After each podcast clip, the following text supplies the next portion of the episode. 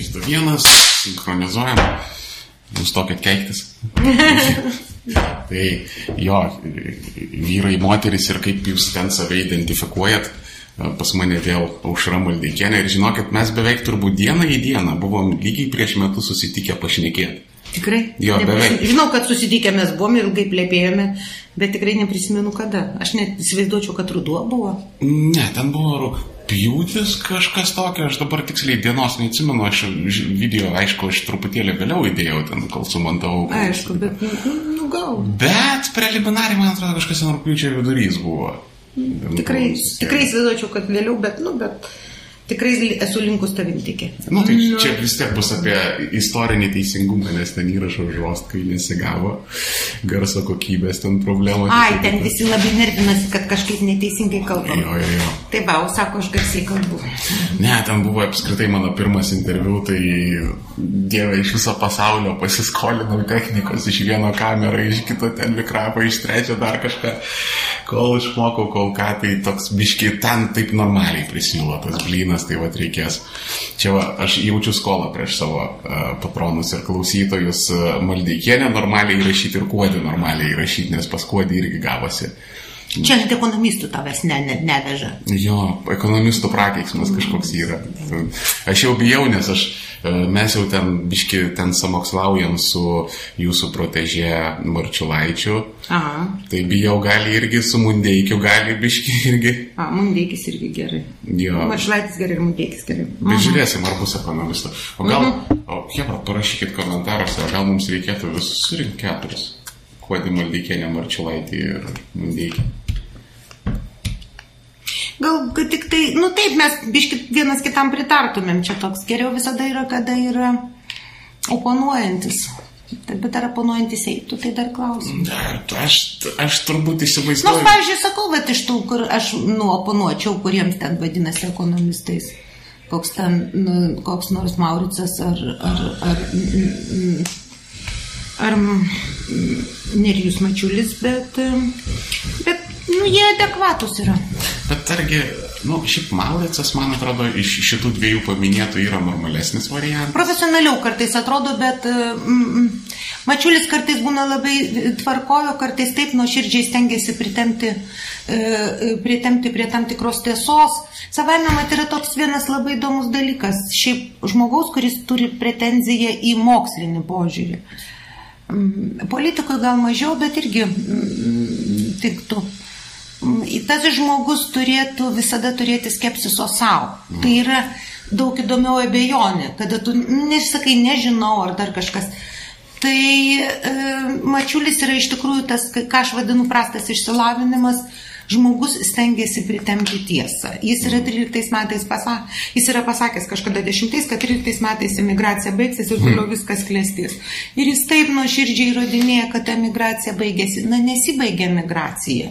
Emigracija ir toliau vyksta, jeigu tu žiūri hmm. Lietuvos gyventojus kad keičiasi gyventojų skaičius auks, tai nu, jau kita opera. Kaip jis, jis, jis nėra neteisus, sakykim taip. Nu, jis visiškai neteisus. 13 metais buvo ypatinga duobė, kuri tęsiasi 4 metus, jis buvo žiauriai neteisus, tik neatsiprašė. Jis 5 metų skylę padarė. Mm. Tai jeigu jam 13 ir 19 metai yra tas pats, tai čia jau kitas klausimas. Ne, jis buvo žiauriai neteisus. Mm. Tai yra jo labai arogantiškas pareiškimas, buvo neteisus. Bet aš apie kitą truputėlį kalbu jisai visą laiką labai nuoširdžiai praneša, kaip matote, yra taip. Ne, žiūrint kaip žiūri. Aš, man, man žinot, toks strigo uh, jūsų dabar ir kolega uh, Liudas Mažylis, jisai buvo uh, mano draugės uh, diserio vadovas, ar kaip tenais ten. Mhm. Ir uh, jisai jai pasakė tokią frazę ir jinai man ją perpasakojo ir man jinai tokia strigo. Sako, va, tu tose, jis, jis europistas yra, Mažylis pats mhm. iš savęs. Ir sako, tu tose ES, tose teorijose, tose dalykuose, sako, tu plaukiok. Ne? Ir a, aš, va tas plaukiok man įstrigo, nes plaukiok jisai vyksta trijose dimensijose. Tu gali ten į kairę plaukti, dešinę plaukti, tiesiai atgal, panert gali, išnert gali. O tarkim, Nerijaus mačiulio tipo žmonės, jie dviejose dimensijose labiau gyvena kaip ant stalo. Aš, aš sakyčiau, kad aš šiaip simpatizuoju Nerijų mačiulį, jis man toks atrodo visai dar pakankamai įdomus. Nu, nenausėda, ta prasme, kur jau tikrai niekada gyvenime minties originalesnės nėra buvo suformuoluota. Bet um, iš tikrųjų problema tikriausiai yra tai, ką aš vadinu, tie žmonės neturi, va, kaip, tokie kaip Nerijus Mačiulis jie neturi e, to tikrojo ekonominio išsilavinimo, tai yra jie nes, niekada nesimokė ekonomikos filosofijos ir jie niekada nesimokė ekonominės minties istorijos, nu kas irgi kaip ta filosofija kito. Tai yra iš tikrųjų jie, man atrodo, kad sunkiai suvokia, kad kiekvieno ekonomisto kalbėjimas tai yra retorikos dalis. Kai tu pasakai žodį rinka, ką tu iš tikrųjų pasakai? Absoliučiai tuščią garsą. Mhm. Toliau tu įdėsi vieną savoką, e, liberalas įdės, nu arba tas laisvos rinkos šalininkas, jeigu imti ten 18 amžiaus tą kalbėseną, imsime pavyzdžiui Adamą Smitą. Adamui Smitui laisva rinka tai yra daugybė visiškai autonomiškų vienas su kitu nesusijusių veikėjų, kurie augina darbo našumą per darbo pasidalinimą. Nieko kito. Jokių ten dieviškų galių ir taip toliau. A, a, bet kai kalba Adamas Mitas apie viešąjį sektorių, jis įkelia aukščiau laisvos rinkos ir sako, bet sąlygas viskam sukelia ir civilizacijas padaro, nu tai ką mes dabar vadinam viešoju sektoriu. Na valstybė. Todėl, kad tu turi turėti struktūrą, kuri saugo nu, tuos daiktus mažus. Tai kai mes dabar vartojam, pavyzdžiui, konkurencingumas, vienas juokingiausių žodžių, jis visiškai neturi jokio ekonominio turinio. Tai yra retorinė figūra, kurią tam tikros ideologijos žmonės sugalvojo ir žmonėms yra įkalta ir toje pačioje europiniai nu, dienotvarkiai konkurencingumo stiprinimas kaip gėris. Iš tikrųjų, tai visiškai tuščias daiktas. Geriausia konkurencingumas stiprėja ir lengviausiai prekes parduoti, kurių kaina būtų maža. Pavyzdžiui, nemoki visai jokio darbo užmokesčio ir važiuoji pirmin. Vergai nužemindėjai. Šita, šita, tarp kitko, diskursas, tik tai nevartojant termino konkurencingumas, jis buvo labai labai populiarus XIX amžiaus antroje pusėje Junktinėse Amerikos valstijose, mhm. kalbant apie vergovės naikinimą. Mhm. Buvo visiškai aiškus diskursas. Panaikinsi vergovę Amerikos ekonomika žlugs, nu ypač pietų mm. ekonomika, todėl kad jinai stovi ant vergovės ir taip. Kas nurinks medvilnę? Kas nurinks medvilnę ir kas nurinks ten tą cukrų, ten ką ten reikia nupjaustyti tas cukrenedrės. Tai, nu, nu kažkaip gal dabar jau mes tokio konteksto neturime. Tai tiesiog tai yra, tai va tas suvokimas savo ribų, profesionalumas kame yra, kada tu kalbi, bet visą laiką turi autoironijos savo kalbėjimu, nes tu labai aiškiai supranti, savo kalbėjimo rėmus. Tai labai ne, ne, neblogai galima sugauti, kai tu perskaitai ten keletą tų esminių veikalų ir pasimokai ypač ekonominę mintį ir suvokia ekonomikos filosofijos logiką, kaip jinai yra sukonstruota. Tai tu gana greitai gali pagauti nu, po keleto kalbėjimų žmonės, kurie profesionalesni ar ne, tu gali jų profesionalumo laipsnį vertinti. Būtent kriterijus ir bus, kiek tas žmogus aiškiai geba pamatyti naujas problemas ir rėmus. Mhm. Neaiškinti tau, kaip yra, o pamatyti problemas. Tai vad, kad tu skaitai mačiulį, kartą išmėsteli problemos. Ir aš tada visada nučiunku, nes kažkaip jis man simpatiškas kaip žmogus. Mhm. Tai norisi liktai kažko geresnio. Mauricas buvo įdomesnis, kai grįžo iš tų savo mokslų, dabar jis irgi toks darosi. Kai 16-17. Taip, jis buvo tikrai gana įdomus ir aš jį su malonumu buvau pradėjus skaityti. O paskui aš kartais užmetu ją, jis profesionalus tiek, kad jis tikrai niekada nenusikalta. Mačiulis kartais gali nusikalbėti. Nu, ta prasme, jis jį taip už, nu, patraukė. Taip. Tai sustojom biškutį mūsų nutraukė. Tai čia. iš tikrųjų es, esminis dalykas, ką aš noriu pasakyti ir ką iš tikrųjų labai svarbu žinoti daugelį kontekstų kad ekonomika tai yra tikrai ne tas mokslas, kurį jūs išmokina pirmame kurse, tas vadinamasis bazinis ekonomikos kursas. Jeigu jūsų žinios baigėsi, tai kur puikiai išlaikėtų ir makro, ir makro, mikro ir makro egzaminų, tai gali reikšti, kad jūs dar nieko apie ekonomiką nemokat. Jūs galite vidurinėje mokykloje vaikus mokyti ekonomikos pagrindų, bet tikrai ne, ne ekonominio mąstymo, logikos ar taip toliau. Tai tas labai jaučiasi. Dažnai aš uždarysiu. Tai, va, tai tas iš tikrųjų itin dažnai jaučiasi, kai tu klausaisi tų lietuviškų ekonomistų ir dažniausiai lietuviškų, vakarietiški paprastai, jeigu jūs YouTube pradėsite klausyti rimtesnių paskaitų, jie tos, nu, tos ryfus, jie apeina, nes jie iš karto pasako tada kažkas, aš turiu prielaidą, tarkime, tokią, kad šita, šita konstrukcija yra gyvesnė.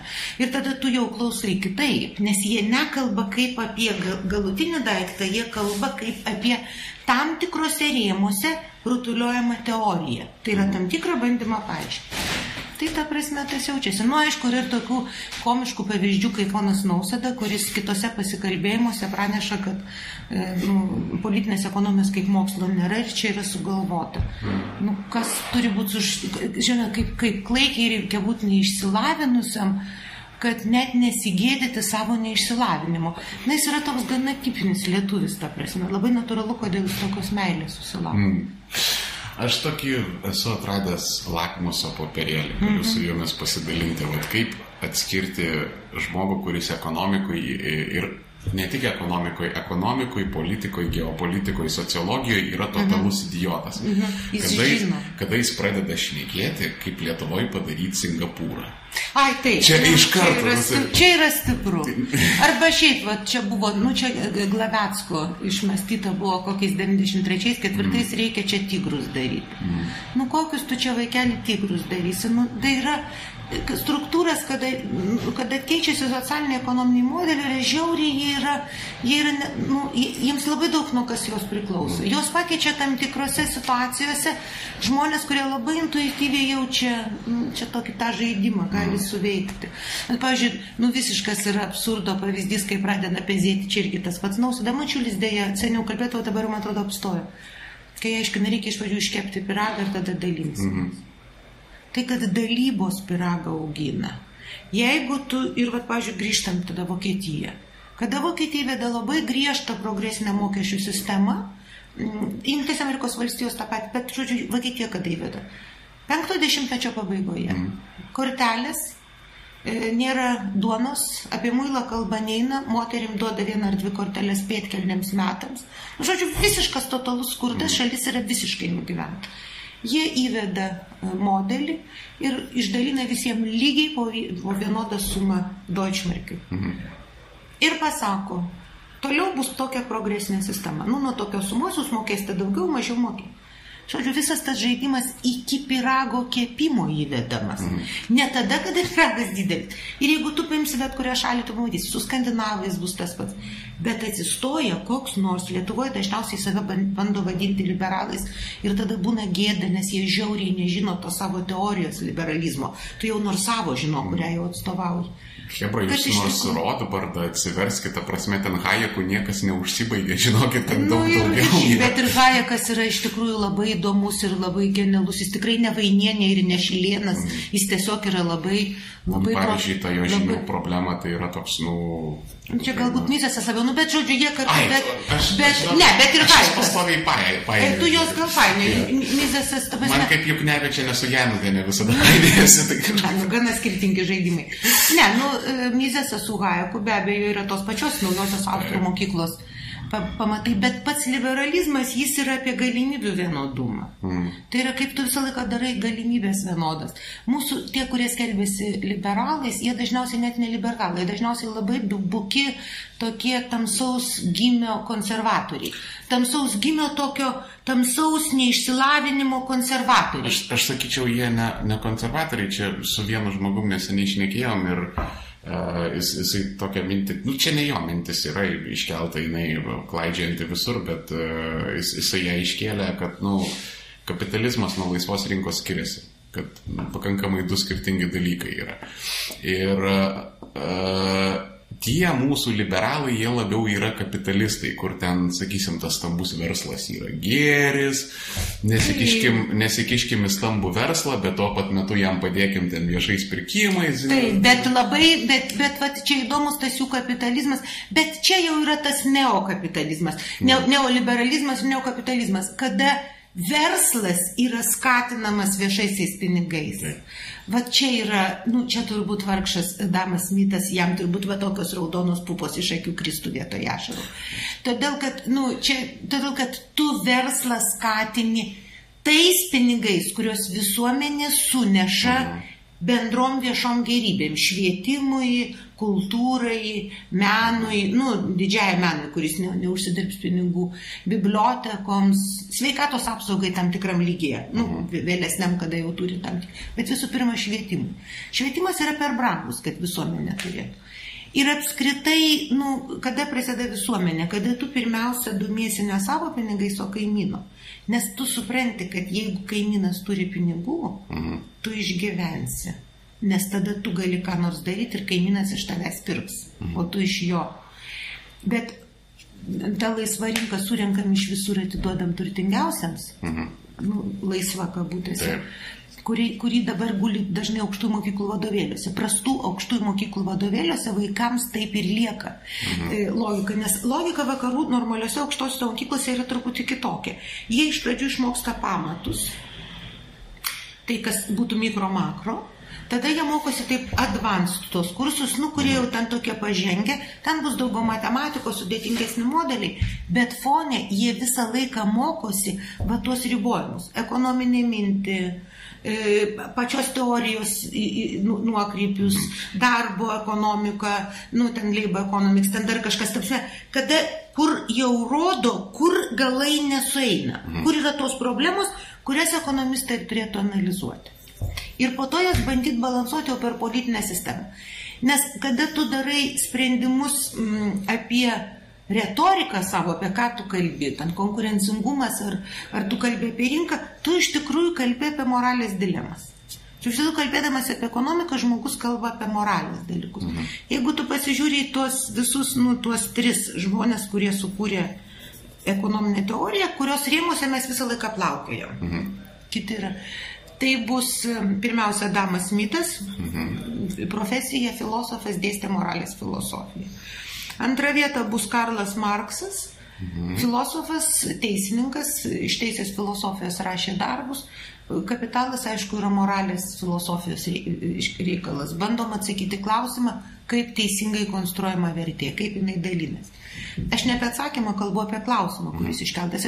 Ir atsakymas beje, bet kuris save gerbintis moderni knyga iš ekonominės minties pasakys, kad tai yra genijaus atsakymai. Mhm. Tai yra, nu, ką tu po to su genijaus mintimis darai, tai žinote, kartais su to vargšo Marksu yra panašiai taip, kaip turbūt kaltinti žmonės, kurie atrado atomą, atomą Taip. dėl to, kad egzistuoja atominė bomba. Ten dėl Kur Hirošimas kur logika, kaip, toks, kas su tavimi yra. Bet čia yra nepagarba išsi, išsilavinimui, nu, mąstymui kaip tokiam. Nu, ir tada tą suprimityvintą tokį mąstymą pateikia. Nu, ir ateina nu, nuosėdos. Nu, man, pavyzdžiui, nu, kai nausėda praneša visiškai išdidžiai sėdi šalia jo, kas įdomiausia, vienas įdomesnių ir protingų Lietuvos žmonių, nu, Zemkauskas. Taip, Zemkauskas jam nesako, ką jūs čia šnekate. Mm. Tiesiog nuobodžiauja, matosi jokise, viešpatė, kada baigsis. Mm. Nu, bet man taip atrodo. Bet žmogus, žm, toks įspūdis yeah. buvo, kad jam buvo, o viešpatė, kada tai baigsis. Bet, ta prasme, ir jisai su tokiu išdidumu ir šypsena tokia. Mm Nu, puspročio šypsena, nes, nu, jeigu tu turi namuose internetą ir googlą, tu suguglini ir tu matai, kad pusė pasaulio universitetų, gerųjų, ta prasme, nu, ne, kurie ne proftekės, universitetai, jie, jie turi tos kursus. Kad Vilniaus universitetas neturi, tai mes turime ESM, bet kad Vilniaus universitetas neturi, nu tai ekonomikos fakultetas ten iš vis nemokslas. Nu, Mudeikis dabar ten pradeda plaukėti, labai jokinga skaityti jo epopėjas, kaip jis netyčia atranda tai, ką šiaip visi žino. Niekas kitą neįsdirbti normalus, dėl to jam ten tam Mudeikiu taip ir sunku. Tai suprantat, nu, tai čia ir yra vat atsakymas, kad tu iš tikrųjų retorinės figūras, filosofinį mąstymą staiga paverti kažko tokiu, nu, kas yra anapus filosofijos arba anapus moralės. Nu tai jeigu grįžtam, Adamas Smithas, Karlas Marksas ir trečias e, Keinsas. Vėlgi Keinsas, nu Keinsas matematikas pagal išsilavinimą, bet jeigu paėmė bendrąją teoriją, tai yra moralės filosofijos klausimas, kuris visą laiką analizuoja dalykus, tiesa jau labai sudėtingus 20 amžiaus rinkas, neapibrieštumus, kiek yra netikėtumų tikrovėje, kaip jas įspręsti. Toks labiau matematikos žvilgsnis, bet irgi yra daug. Nu, šiaip iš tikrųjų didieji matematikai, jie didelė dalim ir buvo moralistai, nes jie, kaip be būtų keista, čia man jau yra per sudėtinga ir aš tikrai iš karto išpažįstu, kad nesu, nesu pajėgi analizuoti klausimų, čia galbūt Lietuvo labai gražiai šitą darytų gal Rimas Norvaiša, tai va, su ko iš tikrųjų būtų įdomu pasišnekėti, bet tai, e, kurie matematiką peršina kaip moralės žaidimą, nes tu matematinį pasaulį arba matematikai didėjai matematinį pasaulį gūrė savo galvoje. Yeah. Mano kolegos, man būdavo įdomu žiūrėti mano kolegas, kaip jie dirba. Jie sėdi ir žiūri pro langą ir taip sėdi penkias valandas. Kažką parašo biški, tada vėl atsisėda, liksmų turi, vėl sėdi. Parašo, aš per laiką tauškinu visą laiką, nu, tipo tas darbo metodas kitoks. Jie sėdi ir žiūri pro langą į sieną, ten toks matematikos fakultete. Iš mūsų kabinetų buvo tokia siena ir medžiai, ir tuos medžius, ir vėl. Ir tavasme, ir fonė jie sukuria tekstus. Ir, nu, po to, aš prisimenu to paties profesoriaus Norvišos, paklausiau, sakau, Jis ten didžiausias, nu, tikrai buvo ko didžiuotis, viena didžiausių pasaulio springelių dyklų išleido jo knygą ir jis klausė jos, aš jo klausiu, nu, kiek žmonių tą knygą supranta. Daug, sako jisai. Nu, sakau, kiek, nu gal 20. tai tas, vat, labai, nu, tas, nu, tas, ne. Tai tu eini į tokį labai sudėtingą tunelį, nu, kur tu irgi sprendi pasaulio kūrimo problemą, kaip tu jį matai.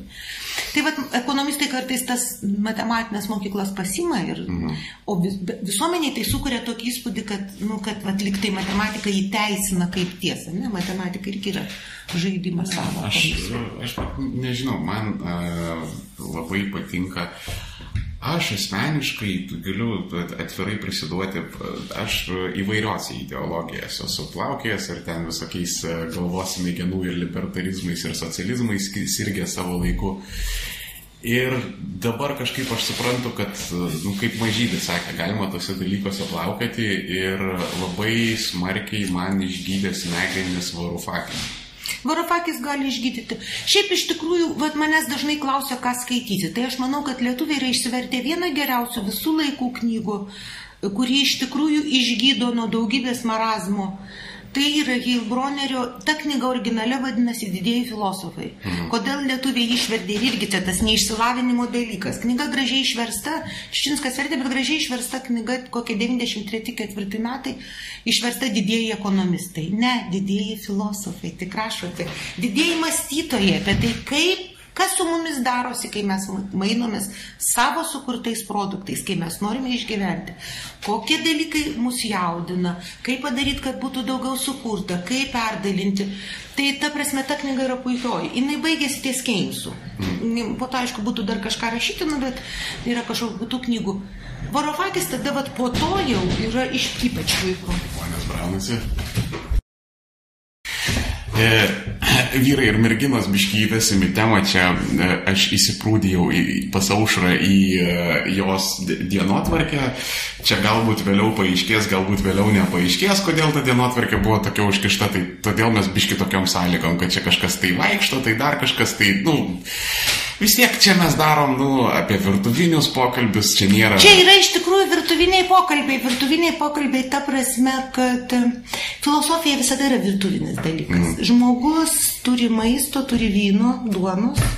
Ir jisai gali sau leisti filosofiją jo. daryti. Ir čia žinau. Tai visada kiekvienas pokalbis, o, o man iš tikrųjų ekonomika tik tiek ir įdomi, aš neturiu to žymiojo ekonomisto diplomo, kurį man mm. pripaišo. Aš turiu dvigubą filosofo diplomą, tai yra politinė ekonomija, tai yra ekonomikos filosofijos, ekonominio mąstymo diplomas.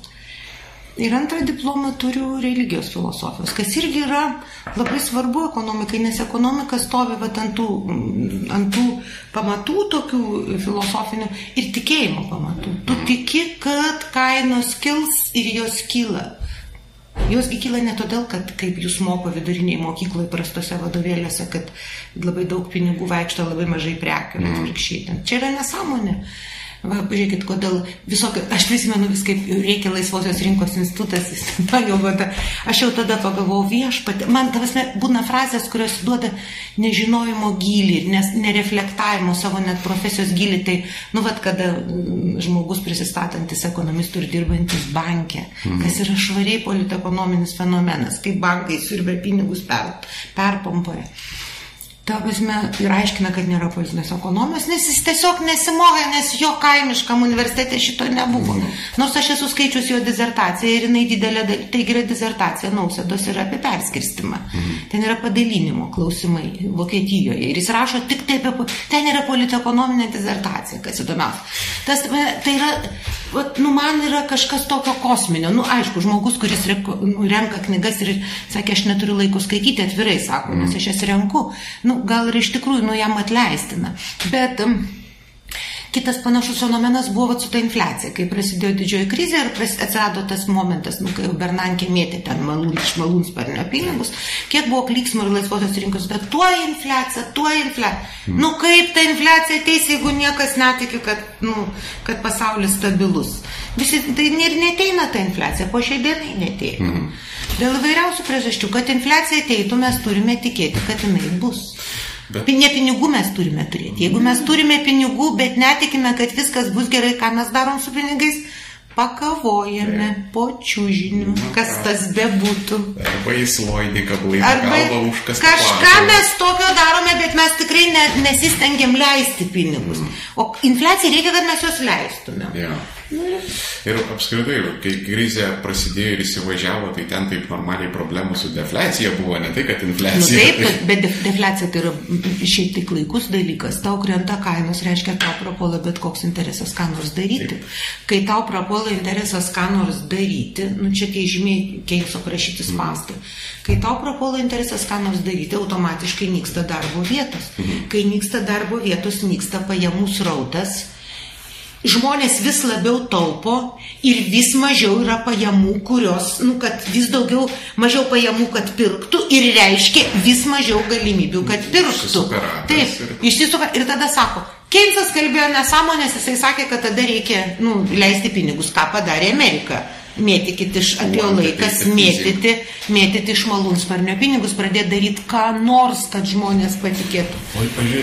Bet čia triviali logika. Ir čia yra tas sveikasis protas.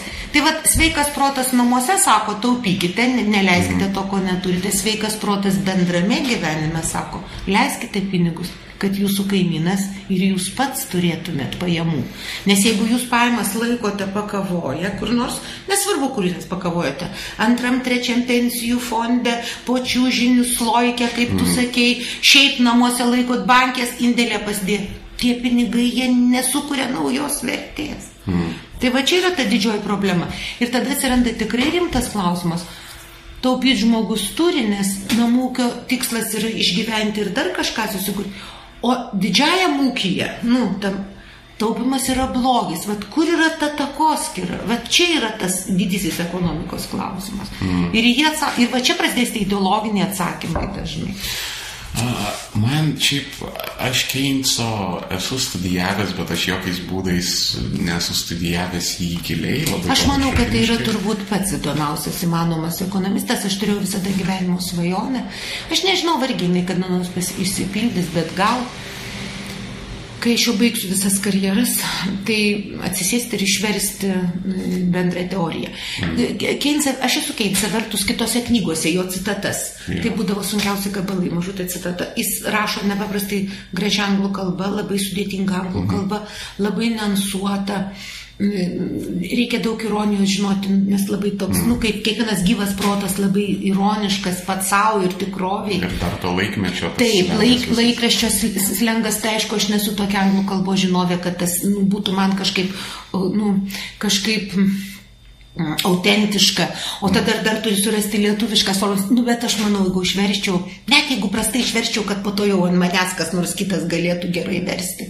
Tai aš čia labai didžiuočiausi. Nu, tai, nes, nu, bet mes nu, sugebėjome Adamą Smitą išsiversti praėjus 250 metų. Nu, va tokia tauta. Geriau vėliau negu niekada. Nu, kaip geriau vėliau negu niekada. Markso irgi neturime. Tas kapitalas, mm. kuris čia labai išdidžiai pristatytas kaip išverstas, yra apgailėtinas 56 metų vertinys iš rusų kalbos.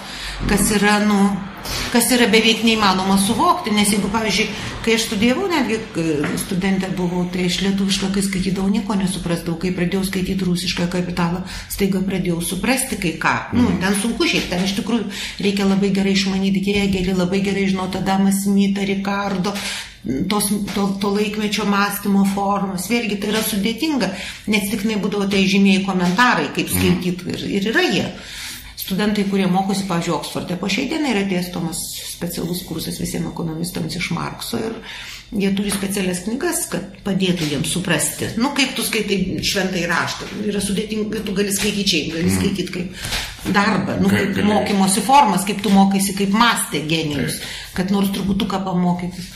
Tai čia toks, nu, yra iššūkis, aišku. Tai čia labai žiauriai įdomu būtų skaityti. Šiaip apskritai aš žmonėms labai siūlau pasiskaityti originalius šaltinius ir jeigu išeina originalo kalba, nes aš, kada ten sirgau visokiom ideologijom, tai pas mane aišku, aš viską aiškiai žinojau apie Marksą, aišku, aš Ne, visi viską žino. Iki to laiko, kol nieko nemoka, viską žino. Kai jau pradeda mokėti, tada mažai žino. Jo, ir tada taip atsiverti tas kapital. Nu, kaip, nu, jis yra, šiaip man jisai buvo pakankamai nykus ir... Jis žiauriai sudėtingas, gana nykus, jis parašytas XIX amžiaus akademinė maniera, mm. tokia, nu, kaip tikriausiai filosofai visada labai godžiasi, kad žiauriai nuobodu skaityti tą patį Jėgelį. Mm. Tai yra vokiška mąstymo mokykla, labai pedantiški perėjimai, nu, iš tokia labai daug dėmesio smulkiom detalėm, daugybė storų tomų. Mm. Tavasme, ta idėja pasklysta ir tu ten išskaidimas, susijungimas, dialektinis, tas perėjimas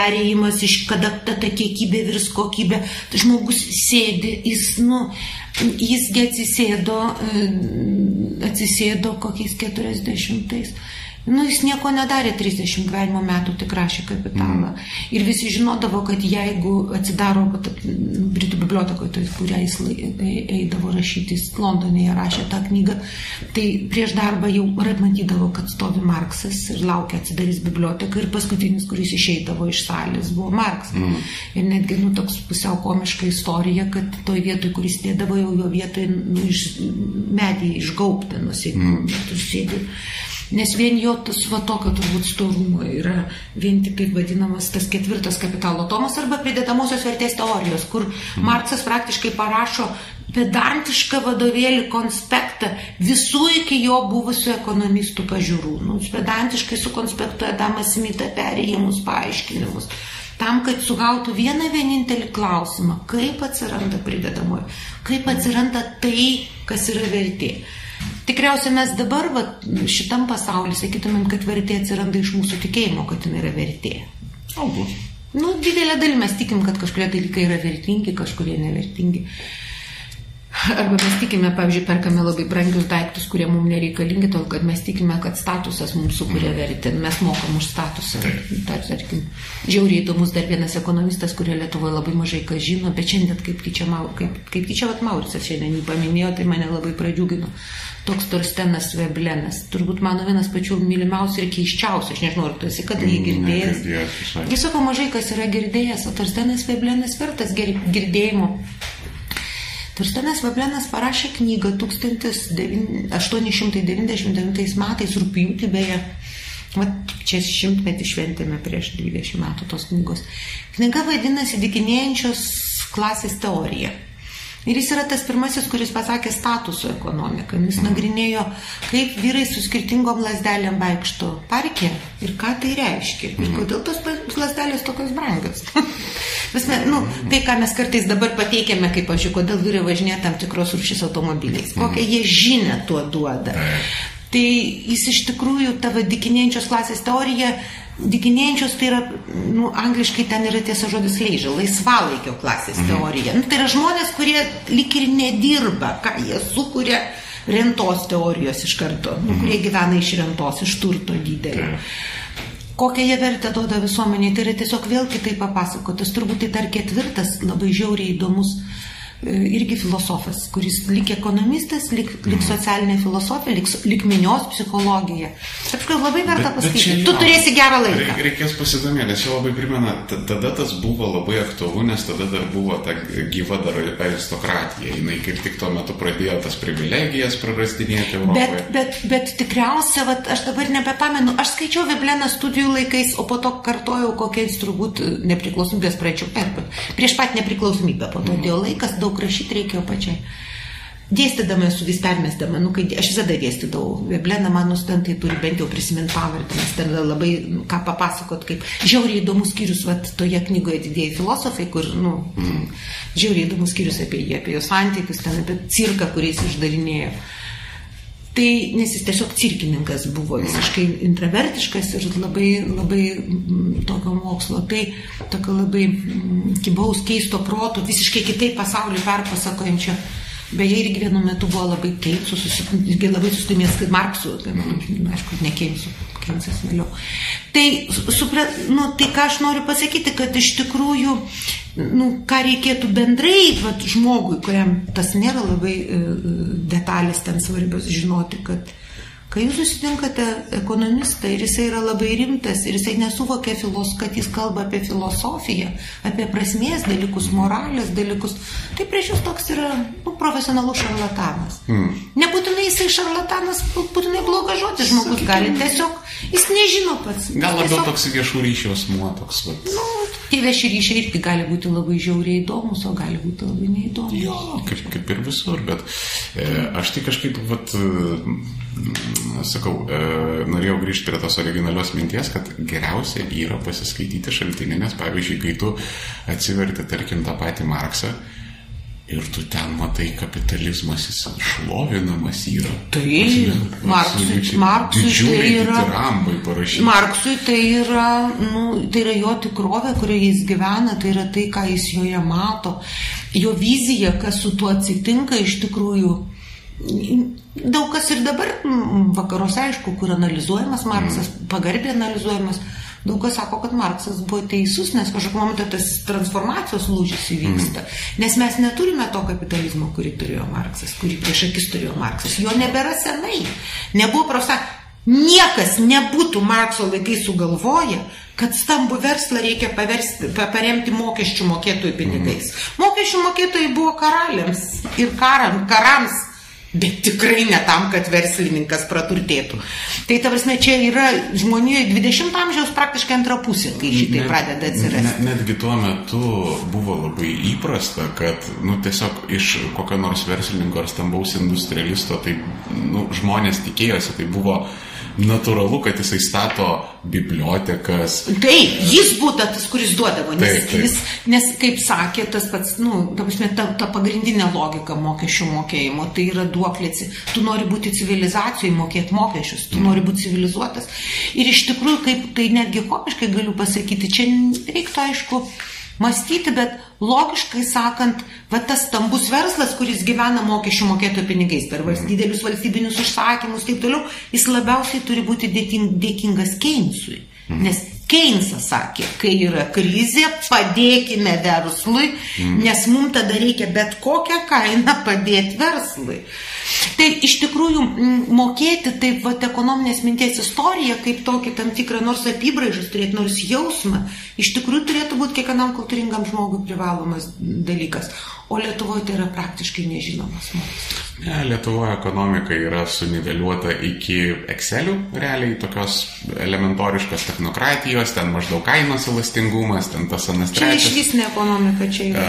Apie, apie ekonomikos minties žmonės, apie tas personas, ten Marksas, šitas Geiten Hayekas, kas tik tai nori, dažniausiai nu, yra padaromas vienas bendras kursas apie visus, ten per ką paskaitą pašnekant, sakysim, apie vieną ir viskas. Ir, vat, nu... Nu, na, aš nežinau, ar, ar, ar, šiaip internete yra mano 14 paskaitų, va, gali paskaityti, paklausyti paskaitą apie Vebleną, jinai yra tokia. Okay.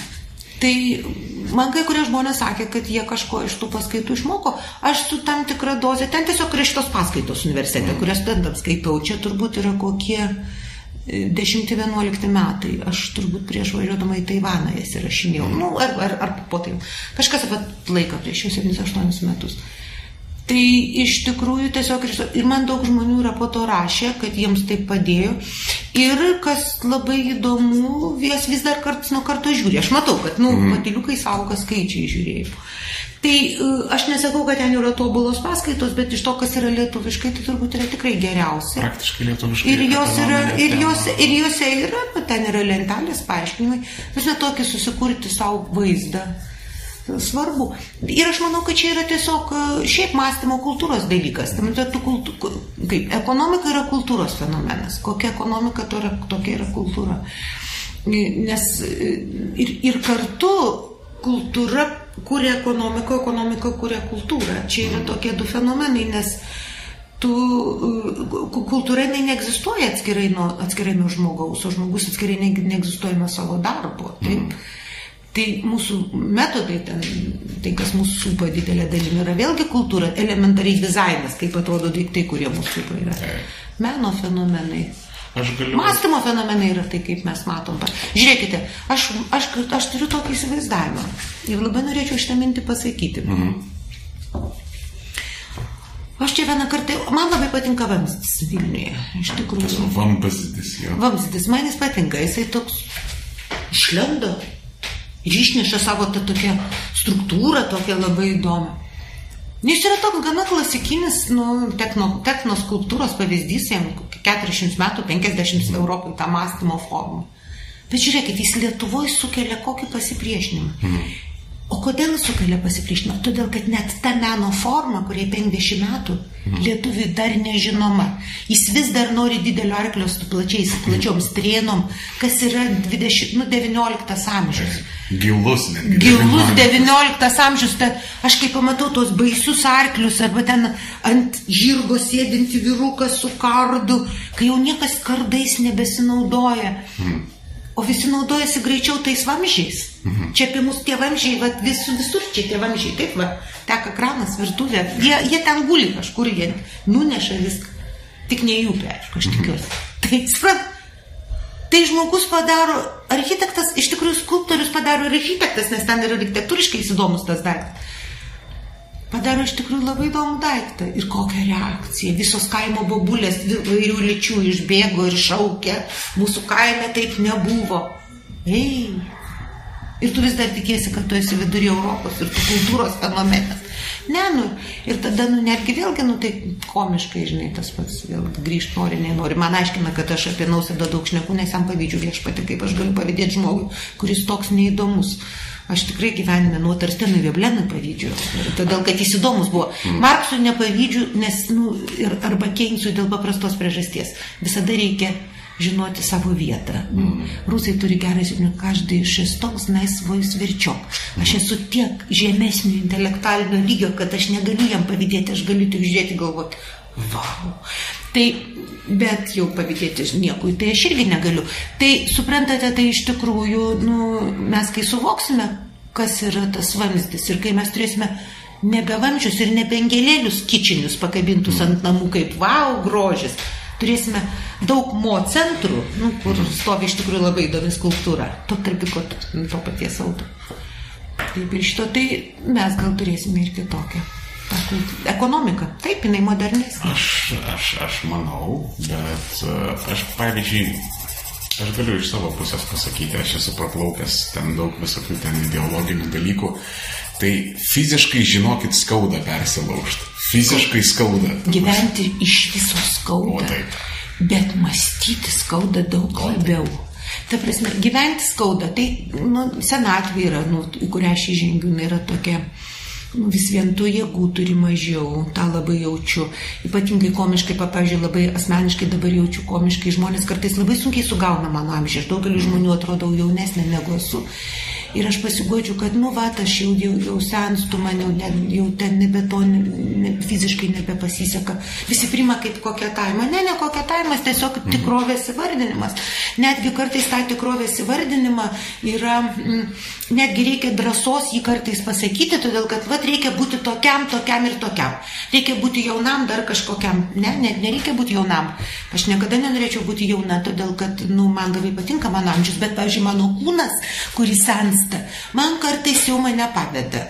Kojom sunku ilgai minėti 10 tūkstančių žingsnių, ko aš nainu, bet 15 jau skauda kojas. Mhm. Nu, ta prasme, kas jaunam žmogui nebūtų problema. Bet tada turint kitų gerų dalykų. Tai priimti kūną sunku, o priimti, kad tau reikia pradėti kitaip mąstyti yra ypač sunku. Bet, bet aš, pavyzdžiui, vat, nu, visą laiką labai, kuo, kuo, kaip stengiuosi, nu, kaip turiu, kaip tokia, aš senai supratau, kad mąstyti yra sunku. Kol tu skaitai paskaitas ir kol tu galvoji, tai tu esi priverstas sėdėti ir galvoti, o kaip masto tie, kurie prieš tave. Mhm. Taip? Ir tada tai neišvengiamai tave keičia. Nes aš pradėjau dėstyti žmonėms, kuriems buvo jokingi sovietiniai filmai, man buvo labai lengva jiems kalambūrus visokius nu, pasakoti iš mhm. sovietinių filmų, multikų. Mes visi vienodi buvom, taip? taip. Ir kažkada apie 2000-osius aš taiga supratau, kad niekas nebesupranta mano tų labai gerų kabutėse bajerių. Mhm. Tiesiog tie žmonės nebematė, jiem kontekstai neaiškus. Tada aš pradėjau domėtis daugeliu dalykų, tada, kurie jau yra to laiko. Ir vaikai mane, mokykloje mokiniai mane, pavyzdžiui, atsirado mobilus telefonai išmanieji, jie pasakė, mokyti, nu, čia tai jūsų mokė, jums reikia išmanaus telefono. Aš sakau, kas tai yra? Aš klasiai sužinojau, jezuitkiai, iš vaikų kažkokį tai vien jie ten man kažką parodė, aš nu nusipirkau, jie ten prijungė mane, snapchatus kažkokius įvedinėjo, dabar kažkokius turiu apsus, labai geras. WhatsAppas? WhatsApp, net nemoku pasakyti kaip. Žodžiu, suprantat, visa tai yra nu, yra ne mano mąstymas. Aš žinau savo mąstymą. Mano mąstymas yra, kur tu naini į biblioteką, pasimi konspektuką ir konspektuoji. Kur telefoną Man... taip reikia rinkti. Žinot, bet žinokit, daug jaunimo nežino, ką su to daryti. Ai, nežino, kur. Jo, jo. Šitą ne, aš žinočiau. Bet, bet, bet, žinokite, bet pats mąstymas yra ne tik toks sudėtingas. Pats mąstymas sudėtingas ir tuo, ką dabar vis geros mokyklos žino. Norint išmokti mąstyti, reikia pasimti knygą, pieštuką, popierių mm. ir vėl dirbti su savimi. Tu turi eiti tuo tempu, kuris yra tavo. Tu turi rašyti ir žiūrėti, tu turi konspektuoti. Nėra jokio kito kelio išmokti. Nes technologijos keičiasi greičiau negu mūsų smegenys. Jos prisitaiko ir mūsų smegenims reikia laiko. Ir iš tikrųjų gerose mokyklose vaikai yra muštruojami. Ir gerose mokyklose ne vaikas svarbiausias, o mokytojas. Ne vaikas save moko. Ta prasme, kaip mes sugriuovėm Lietuvos švietimą. Ir kodėl aš gulsiu kryžmą, bet mano nei anūkas niekas nesimokys toj debiliniai mokykloje, kur vaikui yra suteikiama laisvė apsispręsti, kas mm. jam įdomu. Tai niekas vaikui neįdomu, vaikui multikus įdomu per televizorių pažiūrėti, ar ką nors, arba kieme kaboliu, arba ten pasidėti kompiuteryje. Mm. Tai čia šiaip, nu, normalus žmogus yra veblėnų produktas, tikinėjanti klasė. Maloniausia nieko neveikti, sėdėti su draugais, plėpėti ir gerti. Tai mokytis yra vienas nemalonesnių dalykų, bet tu negali kitaip išmokti. Tu gali pykt ant mokytojo, mhm. bet jis turi aiškiai tave išmokyti laikytis A plus B, taisyklės, įstatymai ir taip toliau. Ir kai aš sužinojau dalyką, nu, man baisu jį pasakyti, bet aš sužinojau, kad Kažkada apie 2000-uosius Lietuvoje sugalvojo, kad vaikui negalima duoti uždavinio, kur yra 3-4 žingsniai į priekį, todėl kad nuo trečio žingsnio vidutinių gabumų vaikas pasijaus nuskriaustas. Mm. Ką tai reiškia apie vaikus, kurių smegenis, kuriems Dievas davė smegenis ir tėvus normalius? Tie vaikai lieka be, be išsilavinimo, jie be malonumo mąstyti. Mm. Čia kaip pasakytų, šokis turi būti tik valsas, nieko sudėtingiau Išimam baletą, klasikinės muzikos nereikia, nes galima pabarškinti du, žinai, ant to. Mm. Palauk. Kaip žmonės išmoksta skambinti pieninu. Mane mušė, kai aš grojau smūjų. Negražu, bet mušė. O Dieve. Nu visus muša. Visus vaikus, kai mokina visame pasaulyje groti, muša. Fizinė ir nefizinė prasme. Tai yra muštras. Paklauskit bet kurio. Taip, aš pergyvenau muštą. Aš sėdėdavau dienas prie kompiuterio. Paklauskit, bet kuris pasakys. Prie fortepijono, smūko, grodavau debilinius čerinio etiudus. Nežinodamas, ko tas baigsis, tuo metu draugai leisdavo gerai laiką. Mm. Kol vieną graždieną suprasdavai, kad tai yra dovana. Bet jūsų tas santykis su tuo, sakysim, muštru ir su tuo čia dabar pavadinto presiniu išsilavinimu, ne? Uh, Jokio kitokio nėra. Arba yra išsilavinimas ir muštras, arba nėra išsilavinimo. Žiūrėkit, didėjai būdistų mokytojai muša, kai blogai sėdi, mm. blogai medituoja. Jūs man pasakykite, kas kada kokį išsilavinimą gavo nemuštas. Tiesiog žiemos, žemo intelektualinio lygio žmonių mušti nereikia dėl paprastos priežasties jiems Dievas nedavė tų smegenų, kurias galima mušti ir ko nors padaryti. Mhm. Masėms pilkoms, aš ta prasme iš tikrųjų nežinau, kas sugalvojo, kad aš esu kairioji. Aš esu gana tokia, nu, arčiau tokio elitinio konservatyvizmo. Gal krikdėmė taip? Aš krikdėmė, bet tokia. Tokia gal vokiška labiau krikdėmė. Vokiška krikdėmė čia labai politinė prasme, bet pačia mąstymo forma Tai aš galiu jums pasakyti, taip aš esu elitistė, taip aš pripažįstu, kad žmonės yra įvairių rūšių. Aš seniau būčiau nuoširdžiai tikėjus, kad galima kiekvieną išmokyti, dabar aš kaip ne kiekvieną. Tos, kurios galima išmokyti, juos reikia muštruoti. Mm. Tie, kurie yra elitas, kurie yra suprotų, kurie yra žvaigždės, kurie gali išmokti, nežinau, matematiką, ekonomiką, grot skambinti, kurie padaro pasaulius, jie gyvena muštrė. Jie turi daug, daug dirbti. Ir jie tiesiog turi labai daug dirbti, nes jie turi padaryti savo smegenis lankščias, gyvas, reaguojančias, matančias. Nereikia didelio proto kasoje sėdėti. Reikia ištvermės, turbūt dar kažko. Bet kad su... Taip ir robotai gali padaryti. Bet tam, kad tu padarytum robotą gražų, kad robotas tave girdėtų, kad robotas būtų iš viso, mhm. kad dar kažkas, kažkas turi būti uždara. O, o kaip, pavyzdžiui, jūs žiūrite tą dalyką, kai yra um, hedonistiniai genijai? Nu, parašo man pavyzdį. Mhm. Uh, Fredis Merkuris. Netikiu nei vieną sekundę girdėdama, kaip jis dainuoja, nei vieną sekundę netikiu, kad už to nestovi valandų valandos ne, ne, balso pratybo. Ne, ne, jis, jis labai... Apie ką kalba? Tikrai nei, nei vieną sekundę nepatikėsiu, kad tas žmogus, bet to, kai jo klausaisi, kartais tiesiog būna Aš nesu tos muzikos žinovė ir gerbėja, nu, to, to tipo. Jis tiesiog man tikrai žiauriai patinka tai, ką aš girdžiu, viskas. Bet už jo dar stovi labai didelis intelektualinis laukas. Ten dar yra labai daug mąstymo, tai yra daugybė knygų, kurios namuose nebuvo laikomos, o buvo mastomos, Taip. skaitomos, perdirbamos. Už to žmogaus stovi tikrai labai daug. Aš nežinau jo gyvenimo istorijos. Netinka pavyzdys, einam toliau, kas dar. Hmm.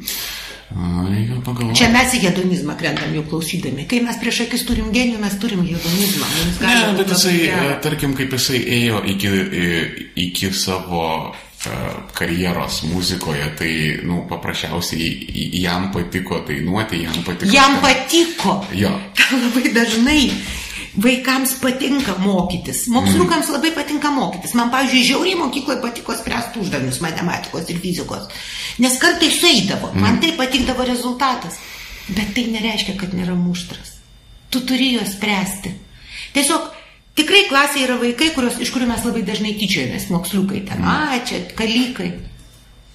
Jau, jau dabar nebežinokit, dabar jau... Keičiasi. Aš, aš, aš labai prieštarauju, nes šiais laikais dabar pradeda tyčiotis iš tų, kurie už kampo rūko ir eibus vaikšto, čia yra kažkas negerai, žinokit. Aš... Tai aš labai džiaugiuosi, kad kažkoks šuolis vyksta. Dabar aš sutinku, čia gerose mokyklose dabar jau taip nėra. E, bet mes turime dabar daug bepročių visokių edukologų, kurie aiškina apie tai, apie vaiko džiaugsmą mokykloje. Mm. Ne, mokykla, mokykla nėra džiaugsmas, kaip ir darbas nėra džiaugsmas. Džiaugsmas yra pasiektas rezultatas, kartais ir procesas yra džiaugsmas, bet ten yra ir daug nu, tvarkos. Tu turi atsikelt, nurodytų laikų nueiti, atsisėsti, padaryti. Tu nori parašyti knygą, turi sėsti, rašyti, nepasirašo jinai. Tu, e, aš tiesiog bandau jūsų tas filosofijos planybės čia išsiaiškinti man tas. Ką aš noriu pasakyti? Jo, aš tą nes, noriu pasakyti, kad tas... reikia. Aš, pavyzdžiui, buvau mokytoja, nu, kabutėse gera. Aš buvau bloga mokytoja tikriausiai. Aš stengiausi vaikams papasakoti daug dalykų ir išmokyti jos mąstymo ir kaip su kai, važiuoju, tautvidu, man labai lengvai mm. pasisekė, tiesiog jis toks gimė, jis tiesiog gimė gabus ekonomikai.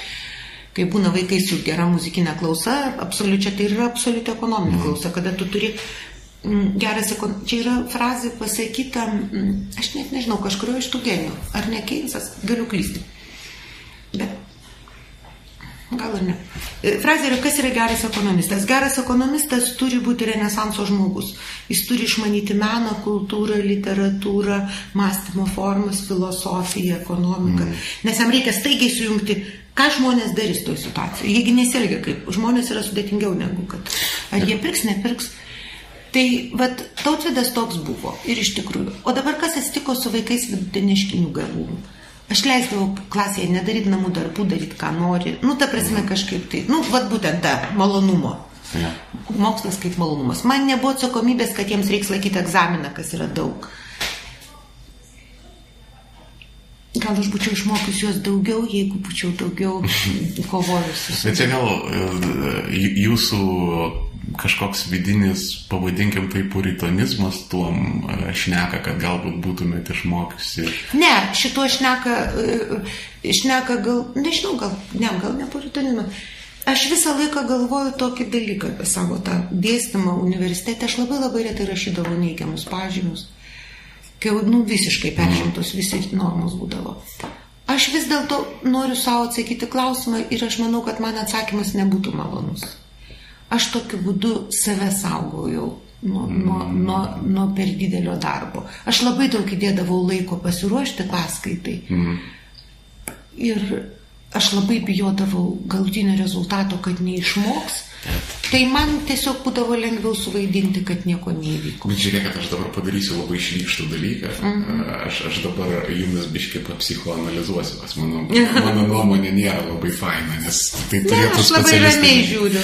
Bet gal uh, jūsų uh, tas išgastis, kad galbūt jūs nu, sakykime, taip kaltūrinau. Ne? Kad, aš nekaltūrinau, paskaita būdavo niekada nekaltūra ar pamoka, bet no, įvertin, įvertinimas jau. Vat kai reikdavo egzaminus mm. vertinti, aš jau stengdavausi. Mhm. Tai jau tik pasilengvinat savo darbą. Tai čia mm. Irgi yra toks, šioks toks puritonizmas, nes, nu, ta nu, klasikinė puritoninė logika, tai tu kentėt turi, tu, tu turi viską atiduoti save, visą kitą. Ir dabar e, ta tokia atgaila, man atrodo, jinai visiškai yra ne vietoje. Ne, bet palauk, tai aš atiduodavau viską. Mhm. Nu, bet jau Bet aš neturėjau, ne, bet aš neturėjau valios, valios man trūko išreikalauti, mhm. kad būtų rezultatas. Ir kame problema? Principė, Geras, nu, ta prasme, to, ką aš, ne, tai gal, gal ir įvyko. Gal kažkas, kas būtų priverstas, priverstas sažiningiau dirbti. Mes apie draugus Brazilijoje to Ne, ne apie draugus Brazilijoje, mes šnekam apie tą patį dalyką, kokiu mm. laipsniu mokytas yra atsakingas už savo mokinius. Ten egzistuoja ta labai tokia trapi gyja, kada tu supranti, kad prieš tave žmogus, kuris nevertas tavo darbo. Mm. Ir kada prieš tave yra mokinys, kuris vertas tavo juodo darbo. Atpažinti. Tai va tą momentą, kada galėdavo būti vaikas, kurį galėjau paversti geru ekonomistu, aš dėl laiko stokos, dėl to, kad per daug ruoždavau šiaip visiems taip toliau, jam neskirdavau to laiko. Kaip, kaip tu, pavyzdžiui, pas, ką aš nu, norėčiau labai paprastai, bus gal lengviau suprasti, pavyzdžiui, pienino mokytas. Taip? Mm. Jis turi daug mokinių.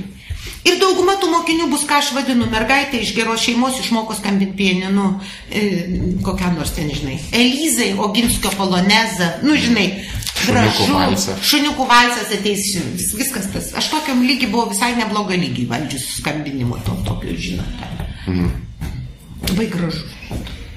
Ir atpažink, kada pas tave atėjo vaikas, kuris bus, aš nežinau, ten kas nors, nežinau, nu, nebūtinai Glenkuldas, nu, bet kažkas tai. Aš tik Laidermaną žinau. Nu, didysis pianistas kažkoks tai. Nu, turiu daugiau milijonų. Richteris, Gilelsas, Klibernas, nežinau kas ten, Glenguldas, kažkas tai. Ir kiek tu būsi kaltas Dievo akise, jeigu tu šitą praleisi vaiką, paliksi jį nepriver, neišmuštruotą, kad jis savyje lūštų ir taptų to, kas nutampa. Mhm. Nes tikrai jūs nerasite nei vieno pianisto didžiojo didžio muziko ar ten to paties matematiko, kuris kai kam tai, jiem paprastai visiems lengviau darosi. Jie eina griežtesniais tempais, nu taip toliau. Bet didėjai mokytojai nu, at, atpažįsta. Kada tu turi sustoti ir tiesiog nu, suprasti, kad tas vaikas skambina dėl to, kad jam yra malonu. Ta mergaitė ten, žinai, nu, namuose pagros, nu, kai liūdna ten kažkas. Tik iš tikrųjų, grojimas padeda. Aš ir dabar, kai man vienai liūdna, aš ten papleškinu savo penkias natas, labai džiaugiuosi savimi, kad sueina, atsisėdu ir lieku patenkinti. Mane kažkada bandė priversti televizijos ekrane pagroti, aš paskui, ką išprotėjot, nu reikia ir save gerbti, ir žmonės, nu, aš skambinu, nu, yra ten pininas kambarį, ne, ir skambinu retai, dabar čia kažkaip turėjau vis kažkokiu visokių darbelių, bet tikrai ne, ne mano profesija. Kai aš rašau sąžiningai knygas ir jos tikrai, aš labai sąžiningai darau, kartais net per daug sąžiningai, nes man sunku ją parašyti, aš penkis metus mastau, ar iš tikrųjų žmogus, ar žmogui bus verta atsiversti knygą, kurią aš parašiau, tai man čia yra labai svarbu, kad jis iš tikrųjų atsiverstų ir jo gyvenime kiltų daugiau klausimų, man nieko kito neįdomu. Ir aš manau, kad žmonės, kurie, va, aš pačiu galiu tikrai ramiai didžiuotis melo ekonomiką, aš ją dabar, bet nesenai vėl skaičiau Pagalvojau, šaunuolį, gerai parašiai. Viskas pasitvirtino, visos tendencijos, logika, mąstymo formos. Galima parašyti kitaip, bet tą knygą skaityti verta. Taip? Ar verta skaityti visus mano vadovėlius? Ne. Pirmieji prastesni, bet paskutiniai taip galima. Tai aš ta prasme, bet aš sąžiningai tai dariau. Tai aš čia kalties nejaučiu. Ar aš tikrai atpažinau visus vaikus? Manau, ne. Tai va čia jaučiu kaltę. Aš dabar paaiškinau, ką norėjau pasakyti. Jo, supratau, bet man, tai uh, vis tiek tai atrodo, kad... Nu, kaip... Dirbti tu turi su tuo, kuris yra žvaigždė. Mhm. Tu turi jam atiduoti širdį, nes jis yra tas, kuris nu, padarys daugiau už tave. Nu, mhm. Bet, pavyzdžiui, tautvidas, nu, yes. Aš kiekvieną kartą galvoju, Tautvidas man pasisekė. Nu, tarsi, laiku aš jį gavau, jis laiku pas mane atėjo, nu, gal Dievas pasiuntė, jis gavo gerus pamatus, jisai, nu, jis po to galėjo daryti to, ką nori ir jisai žaidžia tame. O tu tautvidų jis... daugiau turėjot? Nu, gal tiesiog kiti galbūt taip ryškiai. Taip, aš turiu, gal ten neblogų mokinių, bet vat, ekonom, tarp, iš ekonomikos jis geriausias. Jis mm. tikrai yra geriausias. Taip, žinau.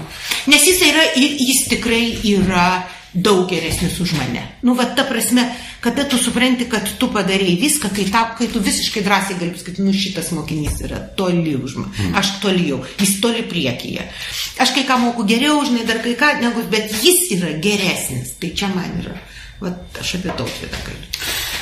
Aš tai iš savo pusės galiu pasakyti, man tos kaltės yra e, visiškai nesvetimos. Mm. Kaltė yra E, šiaip kaltė yra labai superinis variklis, jinai čia ko gero yra viena iš tokių stipriausių ir gal net ir pavojingiausių emocijų. Bet pavojingiausių, bet labai labai labai su ją reikia atsargiai žaisti.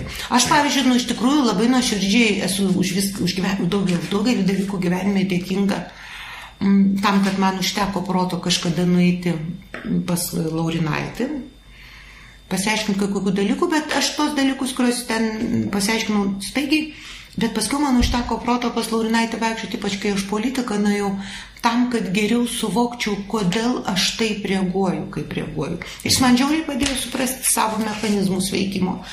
Ir dėl to aš galiu, nu, adekvačiau nu, distanciją laikyti su pačiu procesu. Politiniu, kaip politikai padėjo. Mm, nu ir iš tikrųjų labai lengvai apeiti kai kurios ryfus, nu, nedaryti moralinių, atpažinti tuos moralinius sprendinius, kuriuos padarius, nu, atsakius ne taip, kaip nu, pasirinkus kelią kažkokį, aš pasijuščiau nu, labai blogai. Tai aš tokių nepadariau ir aš jam labai dėkinga už tai.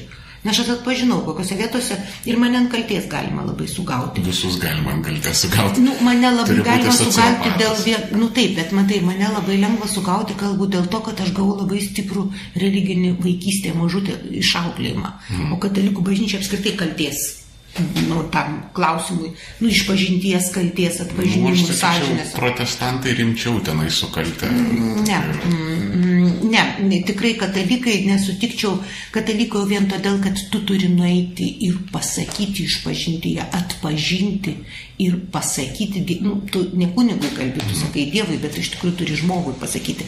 Mes taip turim tą tarpininką galvoje.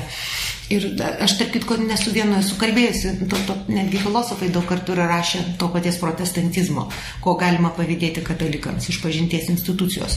Nes iš pažinties institucija jinai tave nu, pastato labai labai prieš save. Tai aišku, gali tą labai formaliai atlikti. Mm. Vaikystėje, kai išmokė, aš prisimenu, kad aš sakiau, nežinau ką sakyti, nu, tėvelių neklausiau. Keikiausi. Ne, nu, aš nesikeikdavau, tėvelių neklausiau, namų darbų nepadariau, aš pamiršau, kokios ten, va tokio lygio išpažintis, čia ne, nekaltis, čia briedas, taip.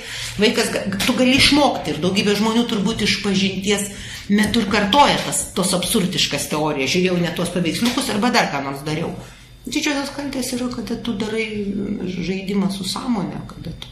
Pavyzdžiui, aš sakyčiau, kad mano kaip politikės didžioji kaltė būtų, jeigu aš norėčiau labiau patikti, negu padaryti tai, ką reikia.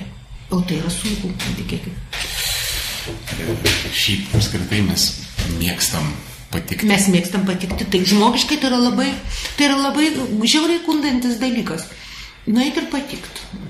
Ir aš kartais, ir nu, tie žmonės, kurie mane pažįsta, mane kartą yra sakę, bet tu nepalyginamai labiau nu, agresyvi, pikta, nervuota gyvenime negu tikrovė, nu, negu asmeniškai. Mm. Nežinau, kaip, nu, visiems mes pakankamai daug bendravom, tai kaip tau tas atrodo. Bet mano mokiniai man yra daug sakė, kad, nu, televizijoje ten su žmonėm tu labai gali būti aštri, piktam. Kada, kada, kada prieš Maldeikienę sėdi idiotas Filadelfijus, tai čia yra visai kita Maldeikienė negu kad vat, mes sėdėm virtuvėje. Tai... Ne, nu aš tiesiog kitoks žmogus, bet kai aš matau, mane ypatingai sutina idiotai žurnalistai dėl vienos paprastos priežasties. Jie atima iš žmonių gyvenimo grožį. Idiotas žurnalistas yra baisiausias dalykas. Čia panašiai kaip mm. ištvirkęs pedofilas kunigas. Jis atima atima žmonių tikėjimą. Nu, tapsi, kas gali būti baisiau, kaip vagis, gopšas, koks kaimo kunigėlis, nu, dar ten padedantis berniukams inicijuotis. Nu, aš žinau, kas gali būti, nu, mano supratimu, tai yra viskas, jiems, jie ten turės kokią nors specialią vietą. Mm. Kristus jiems atlygins už jų darbus. Bet lygiai taip pat ir žurnalistai supranta todėl, kad tu turi padėti žmonėms suprasti tikrovę, tavo, tavo toks darbas. Ir aš jau, jaučiu turinti moralinę teisę jiems tai pasakyti. Aš pati tą darbą dariau ir aš labai gerai uždirbau, aš buvau žvaigždė Lietuvos ir te 91 metais Maldeikienė buvo tai, kas buvo kiekvieną dieną numerė su klaikiai dideliu atlyginimu, didesniu negu tuo metu gaudavo premjeras. Bet pirmą kartą, kada Vainauskas paprašė, kad aš parašyčiau ant štaro konkrečiai, mhm. paskvylį, nes namelio, matot, nedavė Vainauskui. Aš pasakiau, jūs ko mane laikote? Tai ta prasme, Nu, aišku, aš taip sureagavau, aš kolerikė, tai aš kartais labai greitai sureaguoju, kartais per, per greitai. Aštriai, ne, ne per daug aštriai, bet per greitai. Tai žmonės nesuspėja perėjimų suprasti, kodėl aš taip. Aš greičiau sumastau, kad čia marazmas. Bet aš, bet aš, nu, aš, aš ko aš džiaugiuosi ir už ką aš dėkinga Dievui, kad man tada užteko valios išeiti gatvę, palikti viską. Tiesiog staigiai, puikia karjera, didelį atlyginimą, išeiti gatvę, atsisėsti ir verkti. Aš sėdėjau ir verkiau savaitę. Ir dabar aš dėkinga savo būsim vyrui, kai jisai man tada pasakė, ko tu nori, tau už ką moka. Ne už tavo gerus tekstus, už tai, už tai ką tu parašysi, nu, sukuria tave kaip produktą ir kad tu po to būtum. Nu, pažiūrėkite, ko virto valatka. Jis tą patį kelią nuėjo ir virto valatka. Visą laiką puola, kojas kavus, net kvietė mane čia į laidą, aš pasakiau, aš pas tave neįsiu. Jis vienam mano padėjėjai drįso paaiškinti, kad aš neverta tokio iškilaus mąstytojo kaip Valatka. Nu, kad atseit aš kaimo kažkokią bobą. Varkšelis. Ta prasme, ta, tai vat, aš iš tikrųjų techniškai tikrai dėkinga Dievui, šeimai, ten tom vienuoliam, kurios auklėjo, daugybė žmonių, kurie tą momentą, kai reikėjo priimti sprendimą, man nekylo abejonės. Nu, man buvo, Bet čia ne, ne tik mano sprendimas, čia ir tų žmonių, kurie už nugaros. Ir aš labai tikiuosi, kad va, ta pastovi. Nu, aš žinau, kad aš, aš esu matęs ir matau tų žmonių, kurie tai žiniasklaidoje, tai verslė, tai dar kažkur jie daro tos kompromisus su sąžinėm. Jie gyvena gražiai, pas juos yra viskas tvarkoja. Bet tai kainuoja. Kainuoja. Ir... Bet žinokit, kainuoja ir kainuoja abi pusės kainuoja. Kainuoja ir padaryti Ir nes tu, turi, tu, tu jauti, ypač jeigu tu suvoki. Yra, yra tokių Dievo kūrinių laimingų, aš sakyčiau, nežinau, gal laimingų, kurie yra konformistai, primityvai ir net to nesupranta. Va, pavyzdžiui, man atrodo, nausėda laimingas ir nes man atrodo, jis nesupranta, kokio, jam ten fainai, kažkaip gražu jam ten. Bet... Žaidžia su Grykų prezidentūroje, laksto turbūt krikšto. Nežinau, bet labai kažkaip klausausi, kaip iš dabar kažkaip lik ir nuobodu pastarė, bet nesvarbu, žodžiu, tegul gyvena jie, manau, yra kažkaip savotiškai nu, laimingi. Bet yra ta, ta, ta, ta situacija, kai tu, nu, tu supranti, kad jeigu tu padarysi šitą ir to, pavyzdžiui, nu, bus postai, dar kažkas, bet tu peržengsi tą ir tu visą tai gaus. Bet taigi vėlgi kankinsies, kad gavai. O jeigu tu atsisakai, tu irgi po to kankinėsi, todėl kad gali išaiškėti, kad tau labai sunku, kad tu tikrai nieko neturi, tavo šeima kartais gali tave pasmerkti. Nu, tiesiog pasakyk, kodėl tu metei, tu viską turėjai. Tai... Man pasisekė, aš taip ne, neturėjau to pasmerkimo. Man pasisekė ta prasme, kad aš esu turėjęs gyvenime ir tokių, kur, kur eikit šikt, aš tikrai to nedarysiu ir esu turėjęs tų situacijų, kai buvo konkretus kompromisai su sąžinė. Ir grinai pameravus, kada tu tiesiog trenki durim ir pasakai, ne, aš šito nedarysiu, viskas čia yra raudona linija, taip tuo metu tau skauda. Bet, bet rezultatas galutinis bus geresnis. Ne tai, kad rezultatas galutinis geresnis, čia žinai kaip... Ne, mor, aš apie moralės. Nu, švarumo jausmas. Jo, nes čia... Švarum, aš tą norėjau. Nes čia yra, tu tarsi va, sėdi kažkur, nežinau, gatvėje ten laikraštį pasiklojęs ir tu sėdi e, gražiai, patogiai ten, bet kalėjime, ne koks elitinis norvegiškas kalėjimas. Taip, ir toj gatvėje tu polėtum visą kitą, bet jeigu tu nori, tu gali nueiti prie mo muziejaus, pasitrinti dar kažką, tu žinai, kokius sprendimus padarai. O ten viskas pagal režimą, ten vat valgyti tada, tas, tai ir, ir tas jau, jau kiek... Ir tu kartą pradėjęs labai labai sunkiai išbrysi, o, o galbūt ir niekada. Ir tada ta, su, su tais kompromisais tu tada apsistatai, ten sakau, bent jau iš mano patirties ir bent jau, nu, aš kai stebiu tos žmonės, aš, aš iš jų matau, kad jie, nu, nešioja, jie tokį akmenį paskui save velka ir tas akmuo... Taip, bet aš to akmens neturiu. Jo, tai čia yra... Aš, aš ta prasme, nu, bet tokia, nu, egzistencinė netgi turiu galbūt mm, egzistencinę tokią mažutę patirtį nesenai turėjau, tai aš staiga supratau, kad, kad jeigu reiktų mirti labai greitai, tai man labai mažai reikėtų dalykų sutvarkyti. Aš taip, nu, sudėliojau, čiunk, čiunk, čiunk, kažkiek ten, kažkam mažutę skolą atiduoti, nedaug pinigų, bet kažką atiduodu lengvai. Ir aš neturiu tokio akmens, kad pat, aš neturiu tokio žmogaus, kur aš iš tikrųjų nenorėčiau mirti, nenuėjus atsiprašus. Nu, yra žmonių, kuriems aš noriu padėkoti už kažką, tai, nu, dar kažkas, bet kad man, bet aš bijočiau mirti, todėl kad aš likau prieš kažką tai labai kalta, Ne. Ir aš labai tada kažkaip nudžiugau. Aš sėdėjau ir taip kelias dienas galvojau, va, tas, ta situacija. Ir supratau, gal kas nors jaučia, nu, kad aš jį taip nuskriaudžiau. Taip, nu, nes mes galim skirtingai vertinti dalykus. Bet aš asmeniškai, va, kad aš nesažiningai kažkaip, nu, su kitų žmogum pasielgiau, dar kažkaip, kad aš kvailiam pasakau, kad jūs kvailiai, tai čia aš manau stipriausia mano, nu, ir geriausia pusė. Todėl, kad dabar kvailiai ir idiotai visokie Facebook, Facebook'ose, jie drįsta ateiti ir jie drįsta mane mokyti kažkokiu dalyku, tai aš labai švelniai pasakau, iki čia lauk, va jau tu man vent verti. Dėl paprastos priežasties, va čia yra to mokytojo funkcija. Pasakyti vaikui, tu negabus bukas, tu knygos neperskaitai, ką tu čia draskaisi toj klasė, iki čia. Mm. Ir jų yra, jie ten su savo tais jie galų gali virsta janutinėmis. Ta prasme, kiek, kiek aš širdies įdėjusi tą žmogų, kad padėti jai biški prie mokslo prilinkti ar dar kažkas pasakodavau. Nemokintina. Nemokintina. Ta prasme, va čia irgi yra gero mokytojo, va čia toje vietoje man gero mokytojo e, stikdavo savybių. Aš kartais net pažindavau, aš kartais labai daug širdies įdėdavau į nevertus. Mhm. Aš kažkaip labai tokių patraikūnų agresyvių, tai labai nemėgau. Žinot, kur vaikšto ten paskui mokytoja, tai man šitie ne. Bet yra tokie labai elegantiški, nu jie tai maloniai bendrauja mhm. ir tada tu galvoji, nu gal ten štai paaiškinsiu, ne, nieko nepaaiškinsiu, o po to čiam čiam užauga jam ten.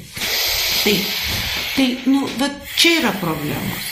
Bet, bet, bet iš tikrųjų, nu, žmogaus tas gyvenimas yra, nu, nu šiaip sunkus, aš Ja, sunkus yra. Nors aš, pavyzdžiui, esu, galiu pasakyti, gyvenimas yra sunkus, bet jeigu manęs paklaustumėte kitaip to paties, ar aš esu laiminga, aš labai laiminga. Mm. Ta prasme, nu, va, tai čia labai sunku pasakyti. Žinot, aš, aš e, radau šitų tokių konfliktų sprendimą labai keistoj vietoj. E, nes nu, yra tokie konfliktai, ne? Viena vertus gyvenimas yra sunkus, yra daug kančios, daug tenais abejonių, visa kita. Kita vertus, nu, ten ne į Sibirą važiuoju, gyvenu normalioj industrializuotai valstybėje.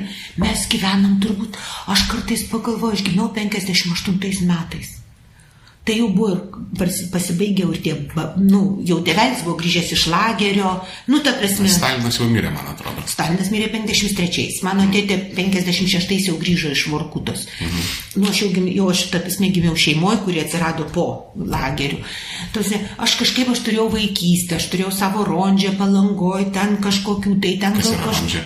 Rondžė yra upelis tas, kuris per upę. Okay nu, upelis palangoje, nu, kur teka per palangą upelis, o aš ant kranto užaugau. Nu, tai yra vaikui labai gera vieta ir miesto galas. Laukai ten buvo, žinot, ten galima buvo išeiti tyrinėjimus. Panašiai, kai nueidavai vidurį lauko, kokį puskilometrį, čia beveik kaip į Ameriką nueidavai. Nu, vienas, kai tau trys metai ir neleidžia. neleidžia, o tu eini taip pratirinėti reikalų, tai tu sužinaigi visokių dalykų. Nu, netiesa, nu, čia kaip gretimą kvartalą nueit mieste, tai aš eidavau tyrinėti ten, kas, kas ten, nes man buvo įdomu, iš kur rondžiai išteka, prisimenu, jom ieškoti su broliu, įkrytom ten į tą vandenį, balos kažkokios. Nu, bet, bet tai čia tikro vaiko gyvenimas, kad Tėvams gal jis netoks malonus, nes nežino, kad jie sugalvos. Jo, Trijų nu- metų gyvūnai. Bet, bet, bet iš tikrųjų tai buvo geras gyvenimas. Ir aš niekada nesu, aš turėjau mokyklą labai gerą. Aš žiauriai dėkinga savo mokytams, kurie beje buvo didelė dalim va tie muštruotojai.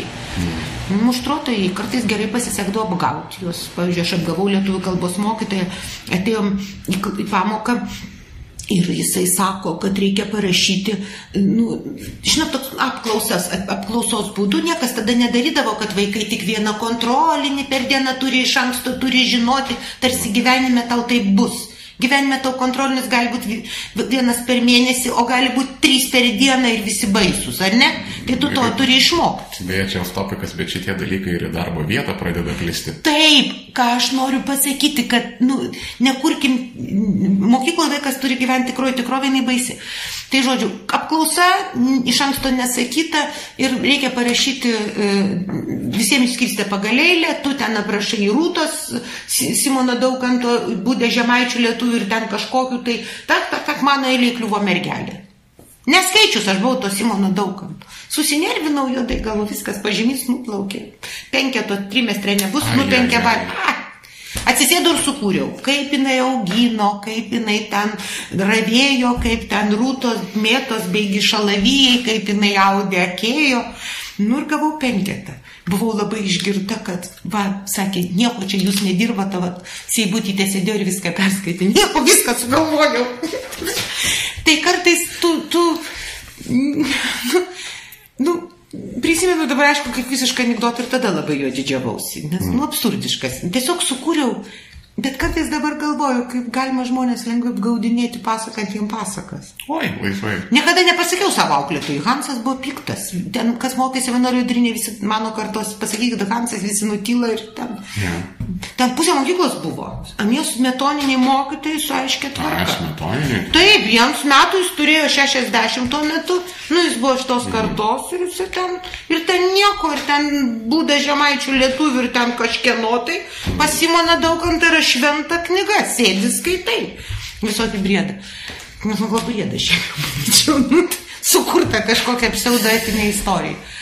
Tai iš tikrųjų, nu, Aš tikrai už viską galiu gyvenime dėkoti, nes, nu, jo- o jau ta laimė, kuri vadinasi pamatyti, kaip nelieka Sovietų sąjungos, aš nežinau, kokia gali būti dar, nu, kam didesnė laimė. Va šitą tai aš pavydžiu, žinokit. jau. Taip, todėl, kad jūs šito net, net kiek to buvo metų, kaip, kaip atsąjungos. E, Aš 86 gimimo, tai aš sąjūdžio beveik, nu, ne, neatsimenu iš viso. Tu jo negali Sausio 13 aš atsimenu su viena sąlyga, aš šalia šiaurės miestelio gyvenau.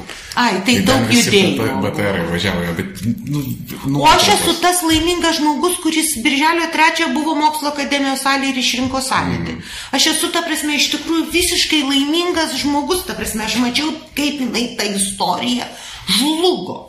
Ta prasme, kaip jinai žlugo viena ir pasidarė kita. Mm. Aš sėdėjau du metus ir mačiau, kaip mes sukūrėm šitą valstybę. Aš nuo 90 90 iki 92 metų sėdėjau e, Seimo salėje ir rašiau Čia viską. be- beje reikėtų jaunesnius žmonės įvesti į temą, kad kai buvo tas atkuriamasis Seimas, tai... E, e, Aukš, at, aukščiausiai taryba vadinasi.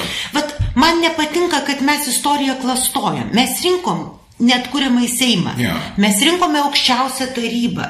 Ir daug svarbiau, ir čia, čia yra vėlės, čia tas vadinasi e, e, Landsberginis istorijos klastojimas. Mm. Kaip viską pervadinti, labai sovietiškas, labai nikus, statulų nuėmimas, ten lentų atsiradimas ir nikimas, ta prasme, naktimis, lentą nuimti. Žmogus, kuris yra Iš tikrųjų, ten žmogui, e, nu, reikia, reikia vieną lentą. e, Lentą reikėjo būtinai palikti. Prie jos pakabinti kitą ir parašyti tikrąją istoriją.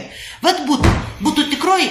Nepatiko, man, pavyzdžiui, tai buvo baisus smūgis, kad nuėmė statulas nuo, nuo, nuo, nuo, nuo žaliojo tilto. Statulos turėjo savyje dvasios. Jos turėjo istorijos, kančios, jos turėjo padirbtos istorijos, nu kur ten išaukštintos tam tikros klasės, dar kažkas. Savyje. Bet tikros istorijos turi vamzdis, dar ir šitą vamzdį nuims, bo kažkam nepatinka. Mm. Maža kas kam nepatinka. Tikros tautos, žinokite, laiko daugybę dalykų. Net ir Muravjovas karikas prie daug kantorų būtų labai gražu, nes tai irgi mūsų tautos istorija. Kaip mus korė ir mes išgyvenome.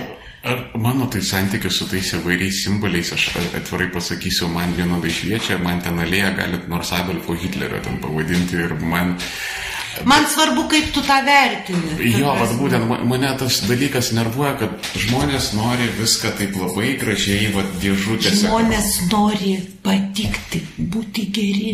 Mm. Žmonės nori būti tingus. Ma, mūsų pokalbė šiandien visą laiką eina apie ką? Didžiausia gyvenime laimė yra išmokti mąstyti. Didžiausia gyvenimo laimė išmokti bent jau suprasti truputuką atsiverti į moralinės dilemas, pasijusti. Žmogum tu tampi tada, kada tu pradedi mąstyti. Iki tol tu esi gyvūnas. Daugybė tų žmonių, kurie čia blaškosi, jie yra gyvūnai, savim patenkinti, ten pasisekė, ėdalo gavo, tipo babkių jam pametė, dar kažkur, jis jau visas laimingas. O laisvas tu gali būti ir lageryje. Mano, mano, mano, sakau, aš visiems pasakoju tą istoriją, kuri man yra didžiausias laisvės dalykas. Maskvos universitetas, 81 metai. Kas jau gali būti baisiau, dar, dar gyvas, sta, nu, šitas Brėžnevas, nu, tokia visiška amorfiška tešlė masė, tokia, mhm. toks jausmas, nu, aišku, didelė dovana tas Maskvos universitetas ir tie geri dėstytojai, kurie moko mąstyti ir skaitome kartu ten tą Marksą ir, ir tą patį Adamą Smithą ir kalbą, nes, nu, kažkaip su protingai žmonėmis, žmonės yra protingi, nesvarbu kokia ta tikrovė, 3-4 duriniai daug, daug, daug ir protingų, Maskvos universitete protingų koncentracija buvo didelė, man pasisekė labai. Ir, ir, ir Ir staiga dėstytojas, kurią mes pradedam ploti, dėsto kvailiausią dalyką, kažką apie žemės ūkį, kokie ko, geri kolūkiai, kokie ten tarybiniai ūkiai, ten kažkas ten atvirkščiai, nesąmonės, bet labai įdomiai. Ir mes plojame, jis atsisuka, sako, ko jūs sako plojat? Jūs plosit, kai bus bulvių, o bulvių bus, kai nebus tarybų valdžios. Vat ir visa trumpa. Maskvos universitetas. Maskvos 80. Vilniaus universitete šitai būti negalėjo. Čia yra pakalikų, lietuviai yra tauta pakalikų ir žmonių, kurie va taip sėdi drepsi. Rusai savyje turi tą dažnai. Va, ta prasme, yra tautos, kurios didelės, man britai tokia tauta. Mm rusų dalis irgi save gerai naikino, saviškius Britam pasisekė, jie neturėjo tokios mados išnaikinti savo elitą. Taip. Rusai išnaikino savo elitą. Paskui pakeliu ir lietuvių elitą dar patvarkė, tie, kurie išnaikino savo elitą. Taip, nu, tą rusiškai. Šiaip, kai pradedi skaityti ekonomikos Nobelio premijos laureatus, tai ten rusiškos pavardės kas antra. Mm. Nu, nesvarbu, ten jos žydiškose pradžioje, bet jie visi išeivė iš, iš nu, Rusijos, nes nu, ten tuk, tuk, tuk, tuk, tuk, pabėgo laiku. Mm. Tai aš tą Maskvos, tai va ta ir tas žmogus davė tos didžiosios laisvės pamoką. Būdas Baltarusis tuo metu jau gana senas, jis po to tas žmogus Jis vadinosi Jemeljanovas jo pavardė. Kai prasidėjo aukščiausios tarybos suvažiavimai, tie, nu, kurie atšaukė galų galę Sovietų sąjungą, jis buvo tas, kuris išėjo ir pasakė, kad reikia panaikinti, kad laisvė prezidento, kad reikia panaikinti šeštą Tarybų sąjungos konstitucijos straipsnį. Šeštas Tarybų sąjungos konstitucijos straipsnis tai yra e, vadovaujantis komunistų, partij, vadovaujantis komunistų partijos vaidmuo. Mm skandalas buvo didelis. Nu, jeigu grįžti ten kokie turbūt 89 metai, 90, kada ten tiksliai tas Rusijoje atsitiko. Ta, tuo aukščiausioje taryboje, kurioje ir mūsų dar Landsbergis buvo į Maskvą važiavo jie ten. Nu, to Sovietų sąjungos atšaukti. Tai mm, reikėjo drąsos. Bet jis buvo, nu, jis buvo laisvas tas žmogus, jis buvo karo veteranas, mm. jis jau mūsų tikrai nejaunas dėstė, jis jau amžinatelis, jis mirė, kai jis 2005 ar 2006. Tarsi, jis liko, jis liko istorijoje už tą, nu, mm. bet mano istorijoje asmeniniai Aš šitais labai mėgau visiems pasakoju, kaip loja už ką nors dar kažką. Aš laiką papasakoju apie Elmį Miljanovą. Ir dalis tų žmonių išgirsta. Ir man, pavyzdžiui, labai niku, kai mes puolam aiškinti, kad ten buvo vergovės karalystė. Ne, ten buvo labai laisvų žmonių karalystė. Ten buvo Venslova, laisvas žmogus. Ten buvo daugybė žmonių, vat, mano brolis su, su jo draugais, kurie visai vaikai paauglėjo, visiškai akivaizdžiai ėjo prieš sovietų valdžią, žinodami, kad išėjo iš namų padaryti happeningą, pavarys ant rusų, eis į psichuškę. Mhm. Tris mėnesiai psichuškiai ir vėl grįši, vėl darys tą patį. Jie, nu, ir, ir dabar jie yra laisvi. O yra dauguma žmonių, va tie, kurie dabar čia puola prieš, pavyzdžiui, man kas labai paskutiniu metu šlikštų ir taip egzistenciškai šlikštų iki tokio, žinot, nu, vat, aš net norėčiau, kad tai būtų, jeigu rašy, jeigu iškirpinėsi, tai šitą palikų. Žmonės sustokite, kurie turit padarumo varyti ant grybauskaitės. Ant grybauskaitės reikėjo kalbėti, kai jinai buvo prezidentė. Mhm. O dabar pradėjo ir tas pats Lietuvos, žinai, tokį... Aš irgi prie šitų, aš irgi padariau epizodą rezimuojant. Uh... Blogą. Ne, nu, aš, aš daug esu sakius, kad man nepatiko daug kas ir aš knygoje, melo ekonomikoje prašyta. Aš, aš priejau paskutinės finalinės išvados, kad vis dėlto ją gal vertėjo turėti. Ne, viską verta turėti. Čia yra ta žinoji frazė, kodėl tu gauni grybauskaitę arba kodėl tu gauni nausėdą. Grybauskaitę gavom, nes įsivaizdavom, kad, Rus, kad tokia kapota tvarka gali būti. Mm. Nausėdą gaunam, nes mums patinka niekai. Nu, mums patinka mm. tuš, tuštuma. Nu, žiūrėkit mūsų televizorių, mūsų kultūrinį tą tuštumą. Mes netgi net tų gilių dalykų mažai padarom dabar. Mūsų net meno formos negilios pasidarė. Tai mes turime, nu, mes tokia tuštukų tauta, nu, tuštukas ir vadovaujant ten su moteriškė. labai, labai keistai atrodo. Bet, tamsme, ir aš jos žiūriu ir matau savo tautą tokia, nu, pagražinti, tokie malonus, tokie, biškis mm. senamadiškais rūbais. Nu, viskas kažkaip taip, nu, taip, bet gražu turbūt kaip mes atrodysim, man ypač jokinga, kai sako, mūsų vakaruose žiūrės. Į mus žiūrės su nuostaba. Ta prasme, šitas dviktongas jis šiokia tokia nuostaba. Kodėl, kodėl pas žmonės yra toks įspūdis, kad vakaruose kažkam Lietuva gali būti įdomi? E, daugumai, e, šiaip, šiaip visiems yra įdomus jie patys, čia tas yra faktas, bet matai, yra, yra politikoje turbūt yra labai svarbu, ar tave atpažįsta kaip tokį pat ar ne. Mhm. Jeigu tave atpažįsta kaip mąstanti panašiom kategorijom, tu gali turėti dividendų. Nu, tave pakvies. Ja. Į tą, kaip ten jaunimas sako, nes tai nevartoju tų. Pul, pul, pul, pulka čia yra, kai, turbūt, kai Kaip, kaip lošia kartu žmonės kortomis, kaip tas, kai kviečia į... Aš žinau, aš kortom nelošiu. Aš irgi nelošiu. Nu, į tą vakarėlį, nu. Yeah. Jeigu tu, pavyzdžiui, reikės kokį sprendimą priimti ir tu būsi atpažįstamas, mokėsi tas kalbas ten, nebūtinai kokybė tos kalbos kartais, bet ta, žinai, kad jie matytų, nu, kad tu skaitai kažką tai tokio pačio. Nu, tas pačias knygas. Gal, bet, žinot, čia toks biškio topikas, man labai patinka tas dalykas, jūs čia priešinėkėjo daugelį antivalstybinių dalykų ir aš žinau. Antivalstybinių. Jo, jo. Pavyzdžiui, kas. Nes a, jums nepatiko, kad balvonus nuėmė, ten kažką ir... Aš, aš, aš, aš gyvenu laisvoje valstybėje. Aš dabar jau esu tiek gyvenime nugyvenus, kad netgi jeigu grįžtų ko aš, ne, žodis pasakyti, kad aš to ne tai, kad nenoriu, nieko, jau geriau mirti rytoj ar poryt, bet Bet jeigu vis dėlto grįžtų rusai ir mane išvežtų, aš visiems likčiau laisva. Aš jau išmokau būti laisva, mm. žinau to kainą.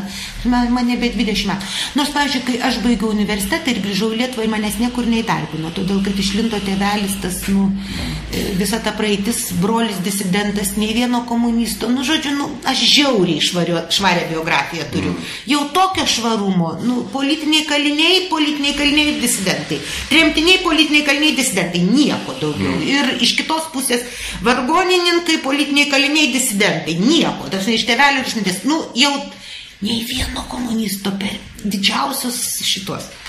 Partizanų dar turim. Bet, bet vieną dalyką, ir tada aš net netekau to darbo. Nu, mhm. Maskvos universitete tai visiems buvo vienodai, o netgi vieną kartą trečiam kursė iš Lietuvos atėjo toks laiškas, anonimkė. Mane dekanas išsikvietė, toks mhm. buvo dekanas. Gavrila Karitonius Popovas, po to buvo Maskvos meras. Šiaip jisai buvo, kaip po to išaiškėjo, kai atsidaro laisvė, kad jis buvo e, Krymo graikas. Nu, tokia irgi, nu, nes ir Gavrila Karitonovičius skamba keistai, bet pavardė labai rusiška, žinai, kurias padirbdavo, bet jis buvo graikas iš... iš Žinomas Papadopulas. Taip, jis tiesiog buvo graikas iš, iš, iš Krymo. Ir jisai mane išsikvietė ir sako, va čia toks laiškas, Seibutytė yra. Nu, dar tą mergautinę pavardę. Perskaitykit, aš perskaičiau, susinervinau, sako, e, e, jis man sako, nu, rusiškai aišku, sako, вы прочитали, перскайтет, прочитала. Так знаете что, сако, Если что, вы скажете, что вы видели, и я с вами говорил. Nu, išverčiu, kas nesupranta. Tai jeigu kas sako, tai jeigu kas nors domėsis, tai sako, aš jūs išsikvietęs buvau ir su jumis kalbėjau. O tekstas apie tai, kad mano tėvas ten, nu, politinis kalinys, nu, žodžiu, kad visi nu, mes čia. Ne, ne ta kasta. Ne ta kasta, laiškas neilgas, bet labai bjaurus.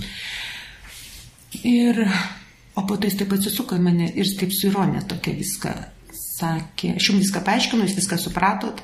Ir tada jis man sako, bet nuo kokio družnai narot litovcis, kokia draugiška tauta lietuviai, kokia draugiška, eikit sakė, niekada daugiau nieko nebuvo.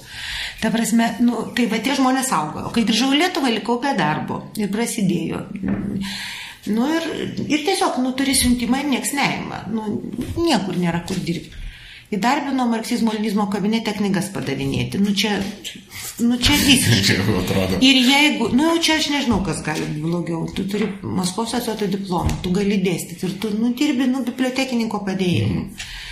Šalia manęs dirba mergaitė, pirmą kursė, nekivaizdininkė, žinai, nu, kad. Mm. Tai šitą ir kai reikėjo laikyti kandidatų minių egzaminus, man neleidžia. Sako, o kam jums reikia? Jūsų kabinete nepriklauso tą dizertaciją mm. rašyti. Nu, nu visiškas yra. Aš nesakysiu to žmogaus pavardės, bet yra toks dabar jau garsus antitarybininkas. Kaip, vis, nu, kaip visada čia, mm. čia tie visi garsiai. Tai... Taip. E, ir tarp kitko, žinai, kas mane tada užstojo? Mm. Povilas Gilys, už ką aš visada. Jis buvo jaunas ir jis vadovavo fakulteto, buvo partinės organizacijos sekretorius. Mm. Jaunas komunistas buvo. Jis sakė, ko jūs prisiknysot prie to vaiko. Nu, jis tiesiog stabdė tą visą. Ten tiesiog buvo baisu. Nu, ir, ir supranti, ir iš tikrųjų tu iš, išmoksti tuos dalykus priimti ir suvokti, kad jie nuo tavęs yra atšokę. Tu mhm. gali gyventi toje terpėje, bet moraliniai sprendiniai yra tik tavo. Mes labai dažnai, kas, kas va dabar man mūsų visuomeniai labai nepatinka, ir šitą grybauskaitę netgi tas masės, masė, masė jinai jaučiasi, kad laisvai jinai gali būti kartu, mhm. jinai laiminga gali būti tik minioji, dar, bet čia yra primitivizmas. Baisus. Baisus. Tose, tu visada esi laisvas tik vienas. Mhm. Ir dar labai svarbu atpažinti, kiek tau duoda ir kam tu turi dėkoti. Aš vėlgi čia sakau, spręsdama savo tokį nedidelį egzistencinį mm, sujudimą, tokį, žinai, karts nuo karto žmonės turi. Uh, Aš atsisėdau ir pagalvojau, aš nesenai iš vieno savo, savo padėjėjo esu gavus tokį laišką. Jis man parašė tiesiog laišką. Ranka. Ir čia buvo dovana gimimo dienai. Aš perskaičiau ir pirmiausia, kai jis man jį padavė, aš prisimenu savo labai keistą reakciją. Aš labai pasimečiau, pasimiau ir pasakė, čia sakė ne pinigai. Vokas buvo paltas išklijuotas, atrodo kaip pinigai, bet aš kažkodėl nepagalvojau, kad pinigai jokome. Čia ne pinigai, sako. Aš čia sako, tiesiog jums parašiau, nu, kaip aš čia, nu, va, ką aš jums jaučiu, aš labai kažkaip pasimečiau Nes neskaičiau tris dienas, aš bijojau. Nes nu, yra labai sunku prisiliesti prie to kito žmogaus jausmų tau, ypač jeigu jis gerokai jaunesnis, ypač tu visada esi kažkiek tai nu, spektaklyje. Nu, tarpsne, tu kai esi mokytas ar politikas, ar šiaip mano darbas viešumoje, tai yra spektaklis. Gyvenime aš esu tokia biški labiau nu, paprastesnis, sakykime taip. Aš esu žmogus, kuriam gal labiausiai patinka ravėti, plauti grindis, kad namuose tvarka būtų, kad ten daiktai gražiai sudėti. Nu, nu labai mm. mane to mokė nuo vaikystės, aš labai mėgstu kuistis, ten namai mano paprastai visi buvo gražus, išskyrus gal šitos, nes jie ne visai mano. Nu, va ir žodžiu, tai viską sudėlioti. Ir šitą. Ir aš labai susi, susi, paskui aš perskaičiau tą laišką, susigaudinau, aišku, galvoju parašyti, paskui supratau, kad nu, labai yra sudėtingas tas rašymas atgal, nu, tipo, back, varim atgal. Ir aš neparašiau nieko. Aš jam pasakiau, kad aš tau dėkinga, bet aš niekada. Ir ką aš dariau turėdama tą kazus. Ir staiga aš supratau, kad aš du dalykus turiu pamastyti. Aš pamaščiau, ar yra kažkas, prieš ką turėčiau nueiti labai atsiprašyti, nu, kad padariau kažką labai jau tokio už ką. Ir labai nudžiugau supratusi, kad, nu, tikrai mano širdis labai švariai sako. Aš gal ir pikta buvau dar bet, vat, kad aš jeigu pikau, tai reiškia, aš turėjau, nu, kažkokią aiškį idėją, kodėl. O antras dalykas, sėdau ir pradėjau galvoti kitą sudėtingą klausimą. kad galima labai linksmai praleisti, nu, vat, pavyzdžiui, jeigu ateitų laikas mirti, kad galima sugalvoti, kaip atsisveikinti su žmonėm, parašyti visiems ranką laiškus, taip, kuriems tu nori parašyti. Ir kurios pakviesti savo laidotuvės. Ir aš su tokiu kaifu pradėjau rašyti, ir staiga išaiškėjo, pasiliau sąrašą pradėjau daryti mm. tokių žmonių, nes ir supratau, kad krūtos laidotuvės būtų. Ir laiškų labai daug reikia parašyti. Reiškia, Ir, nu, kad kiekvienam, bet jo savo ranka, bet aš ten buvau tave susitikęs, tu man, vad, buvo gerai. Ir aš staiga supratau žiauriai laimingas žmogus. Tai, ta prasme, nes aš net nežinau, ar spėčiau, jeigu ką. Nu, jeigu, jau ne, ne, jeigu dar neliko koks dešimt metų, tai dar nespėsiu. Tai, ta prasme, tai jau ko galima žmogui daugiau gyvenime norėti? Nu, nieko. Tai. Visada atsiranda Nu, Visada. Bet... Aš namelio noriu kaime, noriu išversti Keinsą, dar kažko. Tai ir aš visko noriu. Jo. Aš noriu, pavyzdžiui, Indijoje pagyventi. Aš dar noriu važiuoti į Taivaną. Ne, Indijoje gera. Indijoje smirda ten, aišku, bet gera. Kažkaip ten kitaip. Man ten patiko ten, ten savaitę labai baisu, po to labai įsijauti ir pradedi šniūrinti, tar... svarbu nusileisti į tą... Nu. Čia tas pats kaip armėnė, irgi šiukšlinas smirda, o po kelių dienų šaudai iš kalašnikovo viskas jau. Tu jautiesi ir ne, ir po to tu pradedi jausti, kaip, kokie kiek autentikos tame. Kaime gyventi. Prasme, aš turiu dar daug visokių tokių tai gerų dalykų. Šiaip iš tikrųjų, nu, labai norėčiau, kad mano tauta nustotų, e, nustotų. Mano, aš labai noriu, kad mano tauta išmoktų dėkoti tiem, kurie jam daug davė. Nu, ta prasme, aš, pavyzdžiui, manau, kad mano tauta turėtų man tikrai padėkoti už, e, privalo tiesiog, jeigu turi padarumo, padėkoti man už tai, kad aš parašiau ir išverčiau tas knygas ne, nemokamai. Aš, pavyzdžiui, tikrai, ko gali, labiausiai gyvenime galiu didžiuotis, išverstų Blanšaro vadovėlių makroekonomikos. Didelė stora knyga tokia po, po darbo vietoje atostogų sėdėjau, bet nei vienos kapeikos už tai negavau. Aš tiesiog norėjau, kad mokiniai turėtų nors vieną tikrą vakarietišką vadovėlį. Mm. Todėl, kad aš supratau, kad juos šniurins tais nepabaigiamais KTU ir VU genijų kabutėse atradimais, kur perrašinėje KTU netgi išleido vadovėlį. Ir ant tiek naglai makroekonomikos vadovėlėje, kad parašė Robinsonas, nubrėžimų ekonomistų 20 amžiaus. Mm.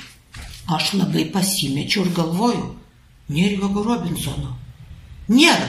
Nu, aš žinau, mano, mm. mano tikroji profesija ekonominės minties istorija. Nu, ta... Bet jis vadovėlį nerašė, turbūt.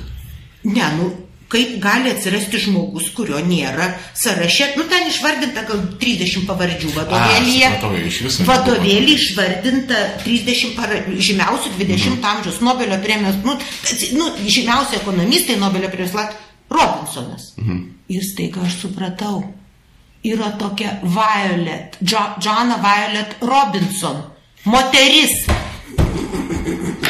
Bet kai tu nežinai, tu ją išversdamas užlipini Robinsoną. Čia kilinti metai buvo, kad... Knyga yra 2003, kad toks mėlynas šlikštus, kad aš sakydavau studentams savo, pamatysiu pas ką tą KTU mėlyną vadovėlį makroekonomikos, eisit laukais. Aš jį iš matymo pažįstu. Baisi knyga.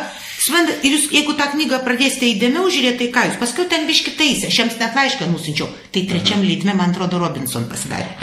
Bet, tavasme, aš laišką jiems išrašiau, bet, bet suprantat, jie ten vienam skiriu vienus dalykus žymi tais tomis raidėmis, o kitam skiriu jau tas pats dalykas kitų, nes iš kitos knygos vertė. Suprantat? Tai aš, kad tos kalturkės nebūtų, atsisėdau ir padariau blanšarą. Suprantat, Brašausko nebuvo, tai nesutvarkė. Nu, žodžiu, tegul gyvena.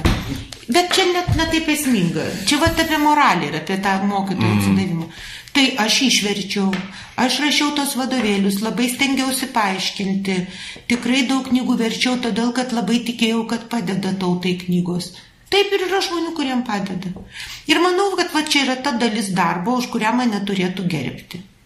Ir staiga išlenda kažkokie tai išsigimėliai ir pradeda šaukti, tu žiūrkė, čia tikros citatos, tu mhm. žiūrkė, iš, nu, nuo tavęs tauta vemia. Nu gal ir vemia nuo manęs tauta, bet aš nežiūrkė. Tai prasme, nu. Ir jie šitie žmonės sako, kad jie mokytojo prestižą pakels. Dieve, kai mokytojas sako, kad mokytojo prestižas kyla su alga, jau čia... 20 metai, man atrodo, nežinau, turėjo būti. Nežinau, man atrodo, tas deadline'as vadinasi Nausėdos rinkimų kampanija. Ah. Suprantat, čia, nes su tuo tas buvo sukabinta, bet suprantat, kas yra... Prestižas mokytojo prasidės tą dieną, kai tu suprasi, kiek daug dvasios reikia būti mokytoju. Kai tu įvertinsi, alga ateis iš karto automatiškai. Mm. Ta prasme, čia yra, nu, bet jie kalba apie pinigus. Už pinigus niekas dar nenusipirko prestižo. Prestižas paskui gali duoti pinigus, nebūtinai. Mm. Tai žinai, arba kiek kartų aš gyvenime sugirdėjus, jeigu maldėkė ne ką nors mokėtų, tai ne universitete sėdėtų, kokį rimtą darbą turėtų. Paimi dirbtų nuosėdą kokią nors mhm. bankį arba mačiuliu. Arba, Labą dieną, ot profesija. Darytumėt viešus pirkimus ten infrastruktūrinius, mm, kokius kelius tiestumėt, kaip normalų žmonės. Kodėl jūs krabų lasdelių negaminat maldėkėlę? Kas kažkaip ne. Skanu šiaip krabų lasdelės. Kažkada esu valgius prieš keletą metų, buvo užkeptos, tai buvo visai, bet jau, žinai, gal kokie penki metai atgal. Mm. Man esu per daug krakpalo. Tai. Nežinau, aš nežinau, iš ko jas gamina, aš tik suprantu, kad juose nėra krabų, taip? Ne, nėra krabų. Krabų. Ten, ten eina tiesiog žuvies mėsa, krakmalas, mhm. miltai. Nevalgau aš jų. Tai, žodžiu, va toks yra, aš, aš beveliu skaityti knygas, o ne o, o, o rimtas, tapsime knygas, kurios, nu, knygos, o ne krakmon. Tai, žodžiu, toks, va, ir yra tas gyvenimas. Na, šiaip, žinot. Ale kaip čia mes protingai pakalbėjome apie niekus. Aš nemanau, Žinai, pusė, pusė tautos pasakytų, kad mes nieko nepasakėm, nes nieko nepasakėm, ką reikia daryti, kad, kad Lietuva būtų klesti. Ir aš pasakysiu, ir eina jie nahui. Mes, ne, mes ne to. O žinai, aš turiu tau pasakyti. Išpažįstu. Mano mama, kad mane išgazdinus labai tokia smulkmena, pasakė, aš čia prieš mirtį turiu tau pasakyti vieną dalyką. Ir iškėjo ten visišką smulkmeną, nuo kurios aš taip priglušau, tai dabar aš tau pasakysiu, gal irgi juoksis. Ko aš išmokau Seime? Nieko aš ten labai naujo nesužinojau, ką, ką galvojau tą. Ir sužinojau, parašysiu tą savo melo politiką. Turiu aiškę koncept, aišku konceptą, kaip, tas, kaip tą mes įkrentame tą duobę to išsunkiančių institucijų. Bet, bet išmokau tris dalykus - keiktis. Aš tris keiksmačius moku. Aš dabar jau nebeprisimenu, ar esu sakius pastarosius du mėnesius, gal ir ne. Gal jau, vat, kai jau išvažiavau į Briuselį, kaputės ir atostogos čia buvo, tai gal ir nesakiau, nebuvo dėl ko. Bet Seime aš jau buvau pasiekus tą stadiją, kai grįždavau kartais iš salės ir pasakydavau darbuotojams kokiais mažutį. Nu, ne, apie, ne jie, nu, mm. apie situaciją. Nes nebežinojau, kokių žodžių ieškoti. Man ten buvo labai blogai. Aš tiesiai labai. Apie tai, kad eiti ten antrą kartą prieš. O kai aš pagalvoju, kas dabar dar gali ateiti mm. ir kaip ten žmonėms sėdėti ir kaip jiems ten buvo sunku, tai man žinokit, ten, ten protingam žmogui labai blogai. O ten yra Ten... Protingam aš turiu galvoje ne apie protą, galbūt ten protingams įvairūs protas būna, bet jeigu tu turi tas moralės problemas, tu nori tautai kažkaip tai visiems labai turiu, nežinau, man žodžiu, Jėzus, Jėzus Marija, ačiū visiems, kurie balsavot už mane nuolankiai. Negaliu 80 tūkstančių laiškų parašyti, bet visiems dėkoju. Čia... Vien už tai, kad jūs man leidot palikti Seimą. Aš tavęs mečiai. Jūs, jūs leidot ir ateiti Seimą. Aušrai, nu, ten nedaug, ten 8 tūkstančiai. Aš tiesą pasakius nemaniau, kad man bus taip sunku. Aš nieko labai kažko tokio neįtikimo nepamačiau. Aš neturėjau jokių kvailų vilčių, kaip ten žinai kas kas, oi, čia teismo reikia nepakeis klėdėsys. Mm. Jūs pasikeisite ir turėsite kitokį seimą. Jūs turiu galvą, kai mūsų tauta pasikeis, jinai turės savęs vertus. Tauta turi to, ko pažiūrėkite, jūs, mes kol kas esam tokie. Bet aš labai daug vilčių jaunimą dedu. Nu, ta prasme, jis jau kitoks. Aš šiaip, ne visas, bet jau didelė dalis. Aš šiaip apskritai, e, aš šiaip apskritai randu vis, kuom čia šitoj lietuvėliai džiaugtis, nors nepatinka tai. daug visokių dalykų, bet Dieve, e, puikus internetas yra daug puikaus normalaus jaunimo. Taip, vienas kitas ten tūkstantis. Ne, ne, mane tikrai supa labai malonų žmonės ir aš, nu, visom prasmėm ir, ir, ir su kuriais dirbu, kartu ir bendrauju. Ir šiaip ir vyresnės karto žmonės man. Bet, bet visumoje, žinokit, nusėmė yra koncentracija kažkokia. Mm, ten, ten, ten jau yra distiliatas to visko, ta, toks. Ne, nu ne man. Aš ta prasme esu, aš esu per daug kolerikė, aš esu per daug Nu, ne tai, kad jautri, galbūt kažkaip, nu, man sunku labai. Man? Aš tikrai, jeigu, nu, aš laikiausi, nes aš žinau, kad aš privalau, aš ką galėjau, tą stengiausi, dariau, turėjau didelių nusivylimų, pavyzdžiui, dėl džiugelio, nu, kada mm. kažkaip supratau, kad kažkaip netiek jam įdomus tie neįgaliukai, kiek, kiek jisai pats. Bet, bet ta prasme, iš tikrųjų, man, man ten buvo sunku. Bet e, ne, niekada antrą kartą nebe, nebeturėčiau jėgų. Gal per senai esu. Žinot, e, ten buvo pasiūsta situacija um, Seime ir šitame mano draugė dalyvavo, kai jūs kovojate ten su tom socialiniam įmonėm ir visa Taip. kita. Ir vatinai sako, o žiūrėk, reikalai stumėsi visą kitą, aš sakau, neskubėk gyventi, čia gali, žinok, nueiti stalčių. Ir aš gavau pildai, kad, tu, kad tu debilas visą kitą, bet man iš tiesų buvo labai didelis apmaudas, kad aš buvau teisus. Kad tai. Kad, nes ten darbo buvo įdėta ir ne jūsų, ir daugybė. Ne, ne, ne tik mano, ir mano, ir aš, ir mano, ir Laurinas daug, labai labai daug čia darė. Buvo, čia buvo didelės grupės žmonių. Šimtai dar. tūkstančių darbo valandų tarp atskirų nu, žmonių. Tikrųjų, arėmės, stengiamės, rinkom ir viskas ir spaudos konferencija tikrai sus... Va čia jeigu šitas būtų pasisekę, dieve, kaip būtų va gerai, bet ne. Nu, šitas knygoje bus aprašyta, kodėl kaip tai atsitinka. Jų mhm. pusėje milijoną ir jie nusipirko tiesiog. Ir jie nusipirko jo. ir Seimo narius ir viską. Ir aš, aš tą patį savo draugai paaiškinau, kad, nu, žiūrėk, yra pinigai, jie labai daug ką lemia. Bet, bet yra ir kitas dalykas. Tu gyvenime turi sutikti su tokiu dalyku. Niekas tau nesakė. Tavo darbas yra daryti. Rezultatai yra, matai, mane visada gelbėja tikėjimas. Aš iš mm. tikrųjų, nu, žinau, kad aš esu tik tai įrankis. Ta prasme, Dievas man davė kažkokių gabėjimų, kažkokių tai, nu, susupratimų, kažkokių reakcijų. Ir jis turbūt žino, kam jos yra reikalingos.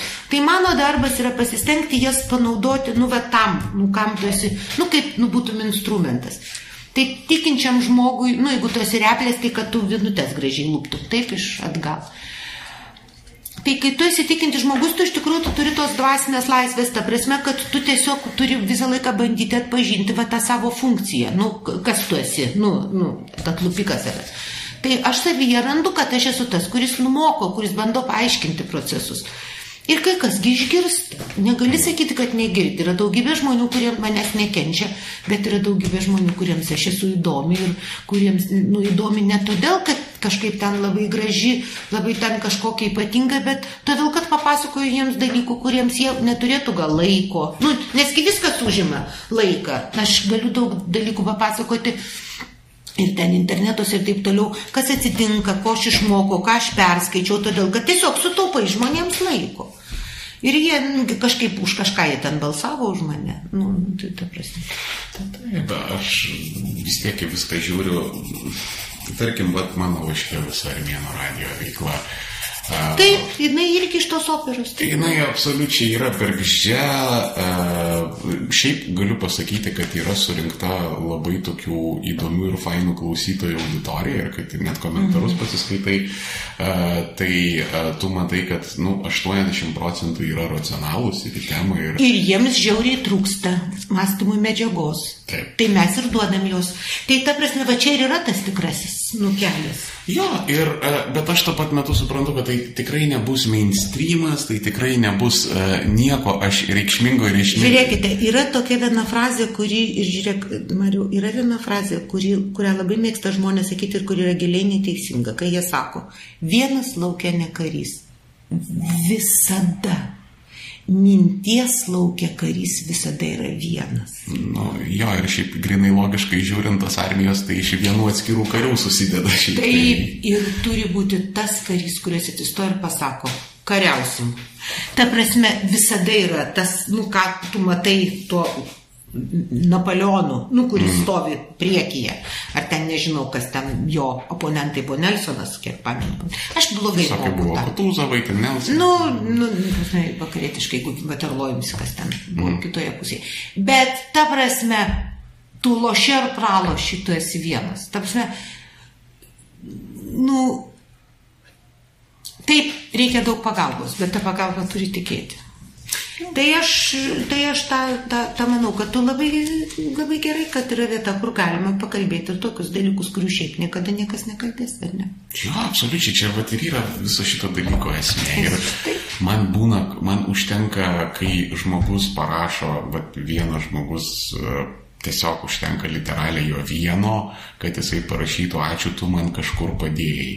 Taip, ir aš tiesiog... tikrai esu laiminga dėl to, kad aš tokių laiškų gaunu. Aš gaunu labai vyrių laiškų, bet vos ne kasdien gaunu laiškų žmonių.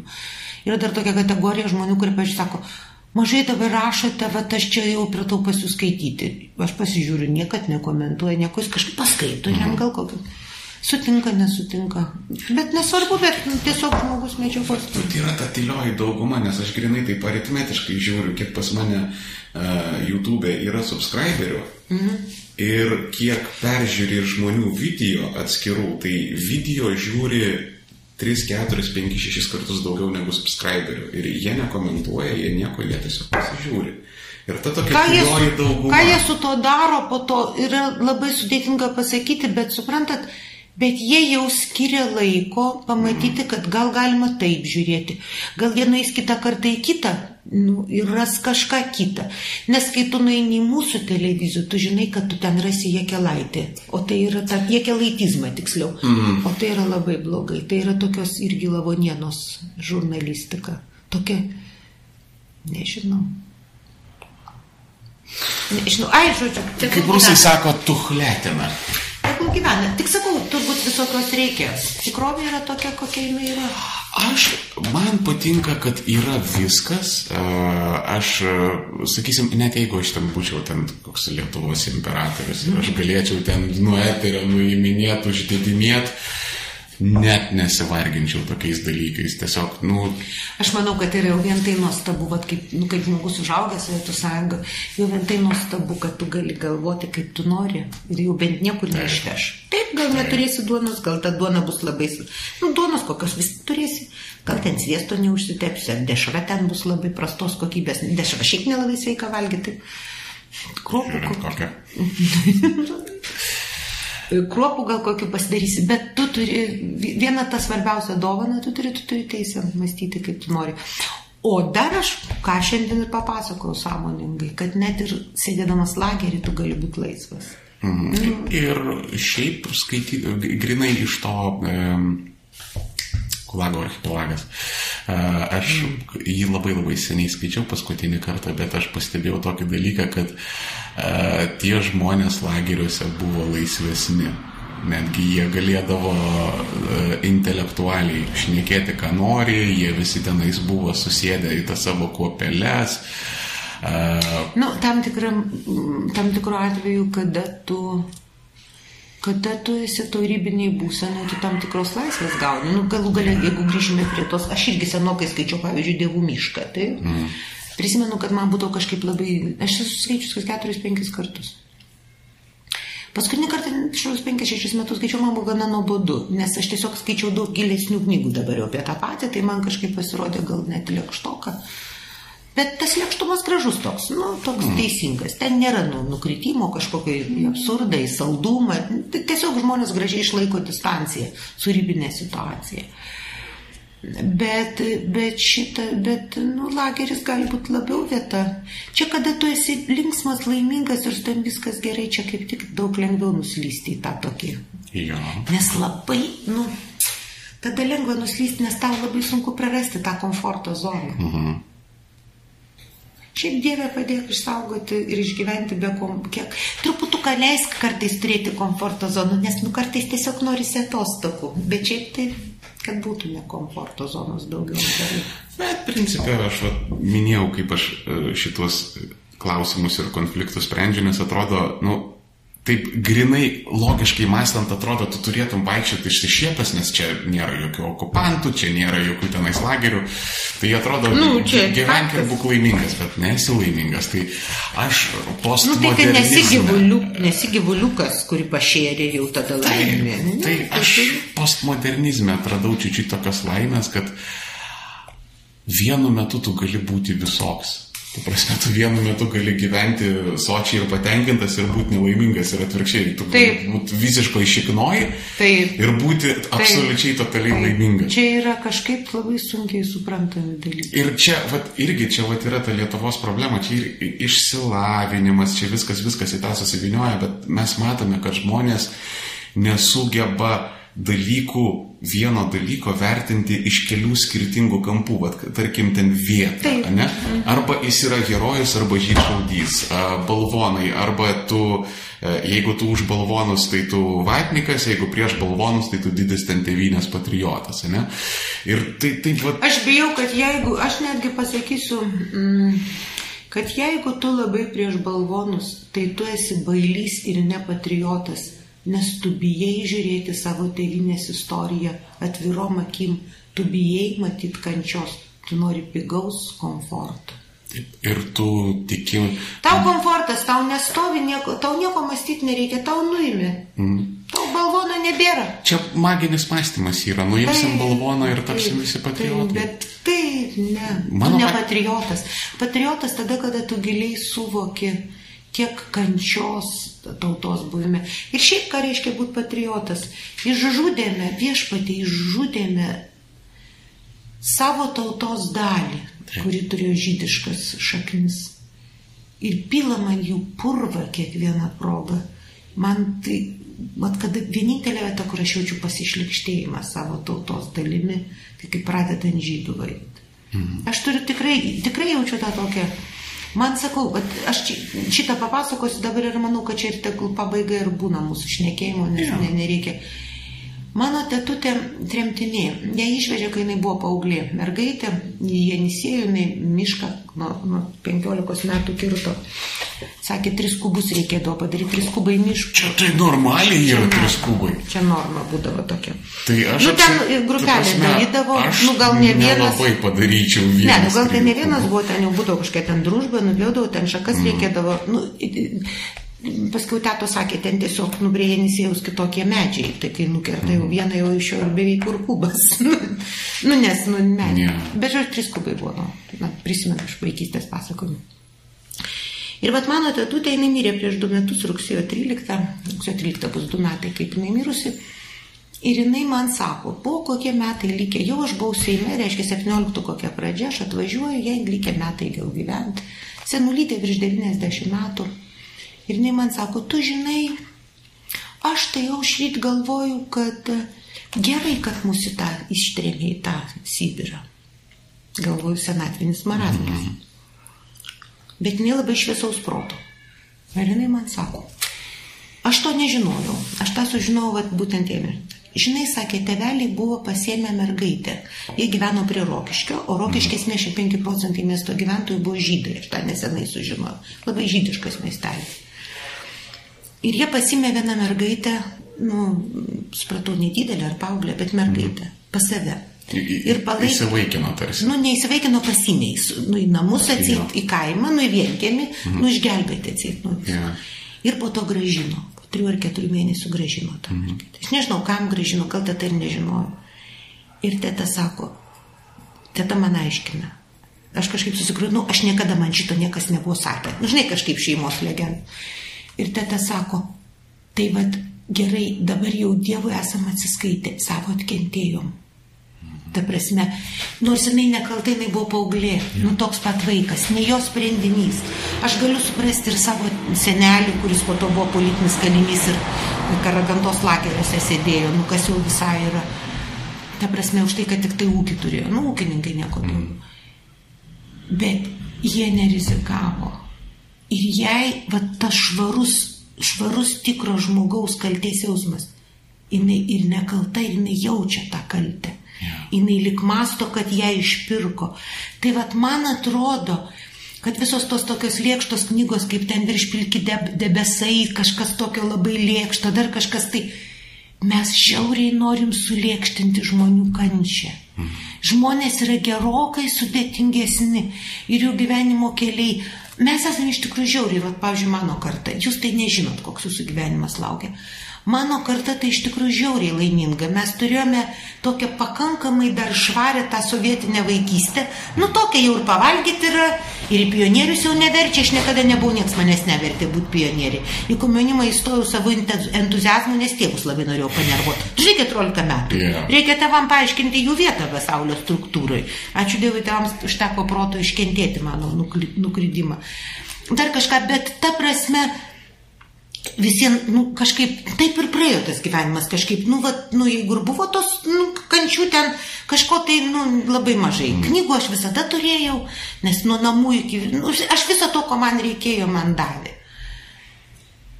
Bet, uh, Bet va tada ir prisimeni tą, nu, va, ta, ta, tas tėtos pakalbėjimas toks labai gilus ir aš pagalvojau, kai jinai numirė ir žiūrėjau, kaip jinai gulėjo karste, nu, nu, nuvažiavau palangą ir galvojau, nu, va, ramiai tu guli. Ir matėsi, guli žmogus ramiai atgyvenęs, 92 metai. Mm ir kančios gal tos buvo.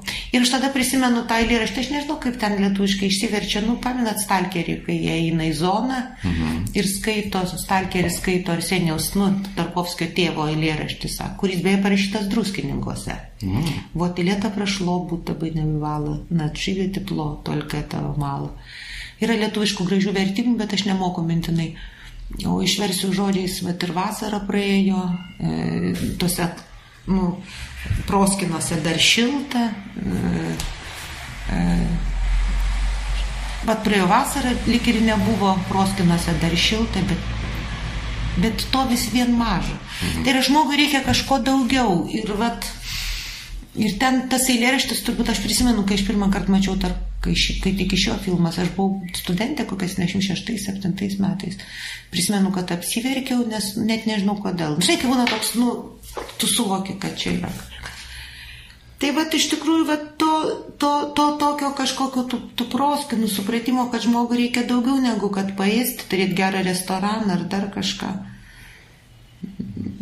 Mašina tai lizinginė. Mašina. Kad, kad, ir ne, kad ir nelizinginė. Aš labai noriu namelį turėti savo ir gal turėsiu. Bet, ta prasme, bet ne, ne čia esmė. Kartais užtenka sėdėti po, nam, po, po akaciją baltą ir žiūrėti. Mm -hmm. Pasme, čia tas toks yra. O tas eilėraštis iš tikrųjų parašytas druskininko 68 metais. Ja. O kas ten veikia druskininkus? Turbūt atostogavo, druskininkai buvo tokia vieta, kur rašytojus veždavo. Tai, tai, to, to, to druskininkos, druskininkai, palangai, druskininkai buvo rašytojų namai turbūt kokie. Mm. Nežinau šito momento. Patikrink. Turbūt ir galim šitom pozityviom naujienom ir baiginėti, kad, karočią, Hebra, ten tie visi heiteriukai, kur čia dabar sėdi, čia, žinai, čia... Ai, tegul heitina. Kokia čia va... Klausykit, heit, heiteriai yra gėris. Jo.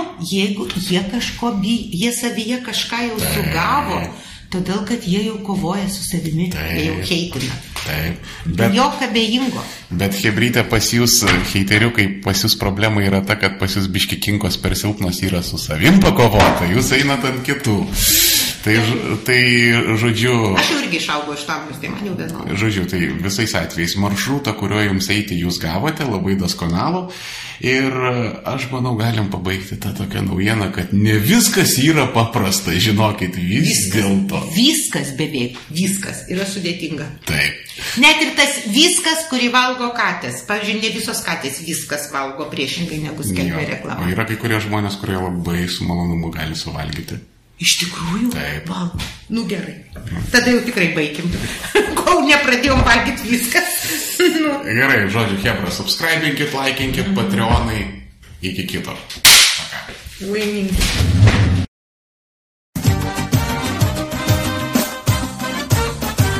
Shabadabadashta, shabadabadashta, shabadabadashta, shabadabadashta, shabadabadashta, shabadabadashta. شبا دبه دشت دشت دشت. شبه دبه دبه دشت چیک این چه سلالیست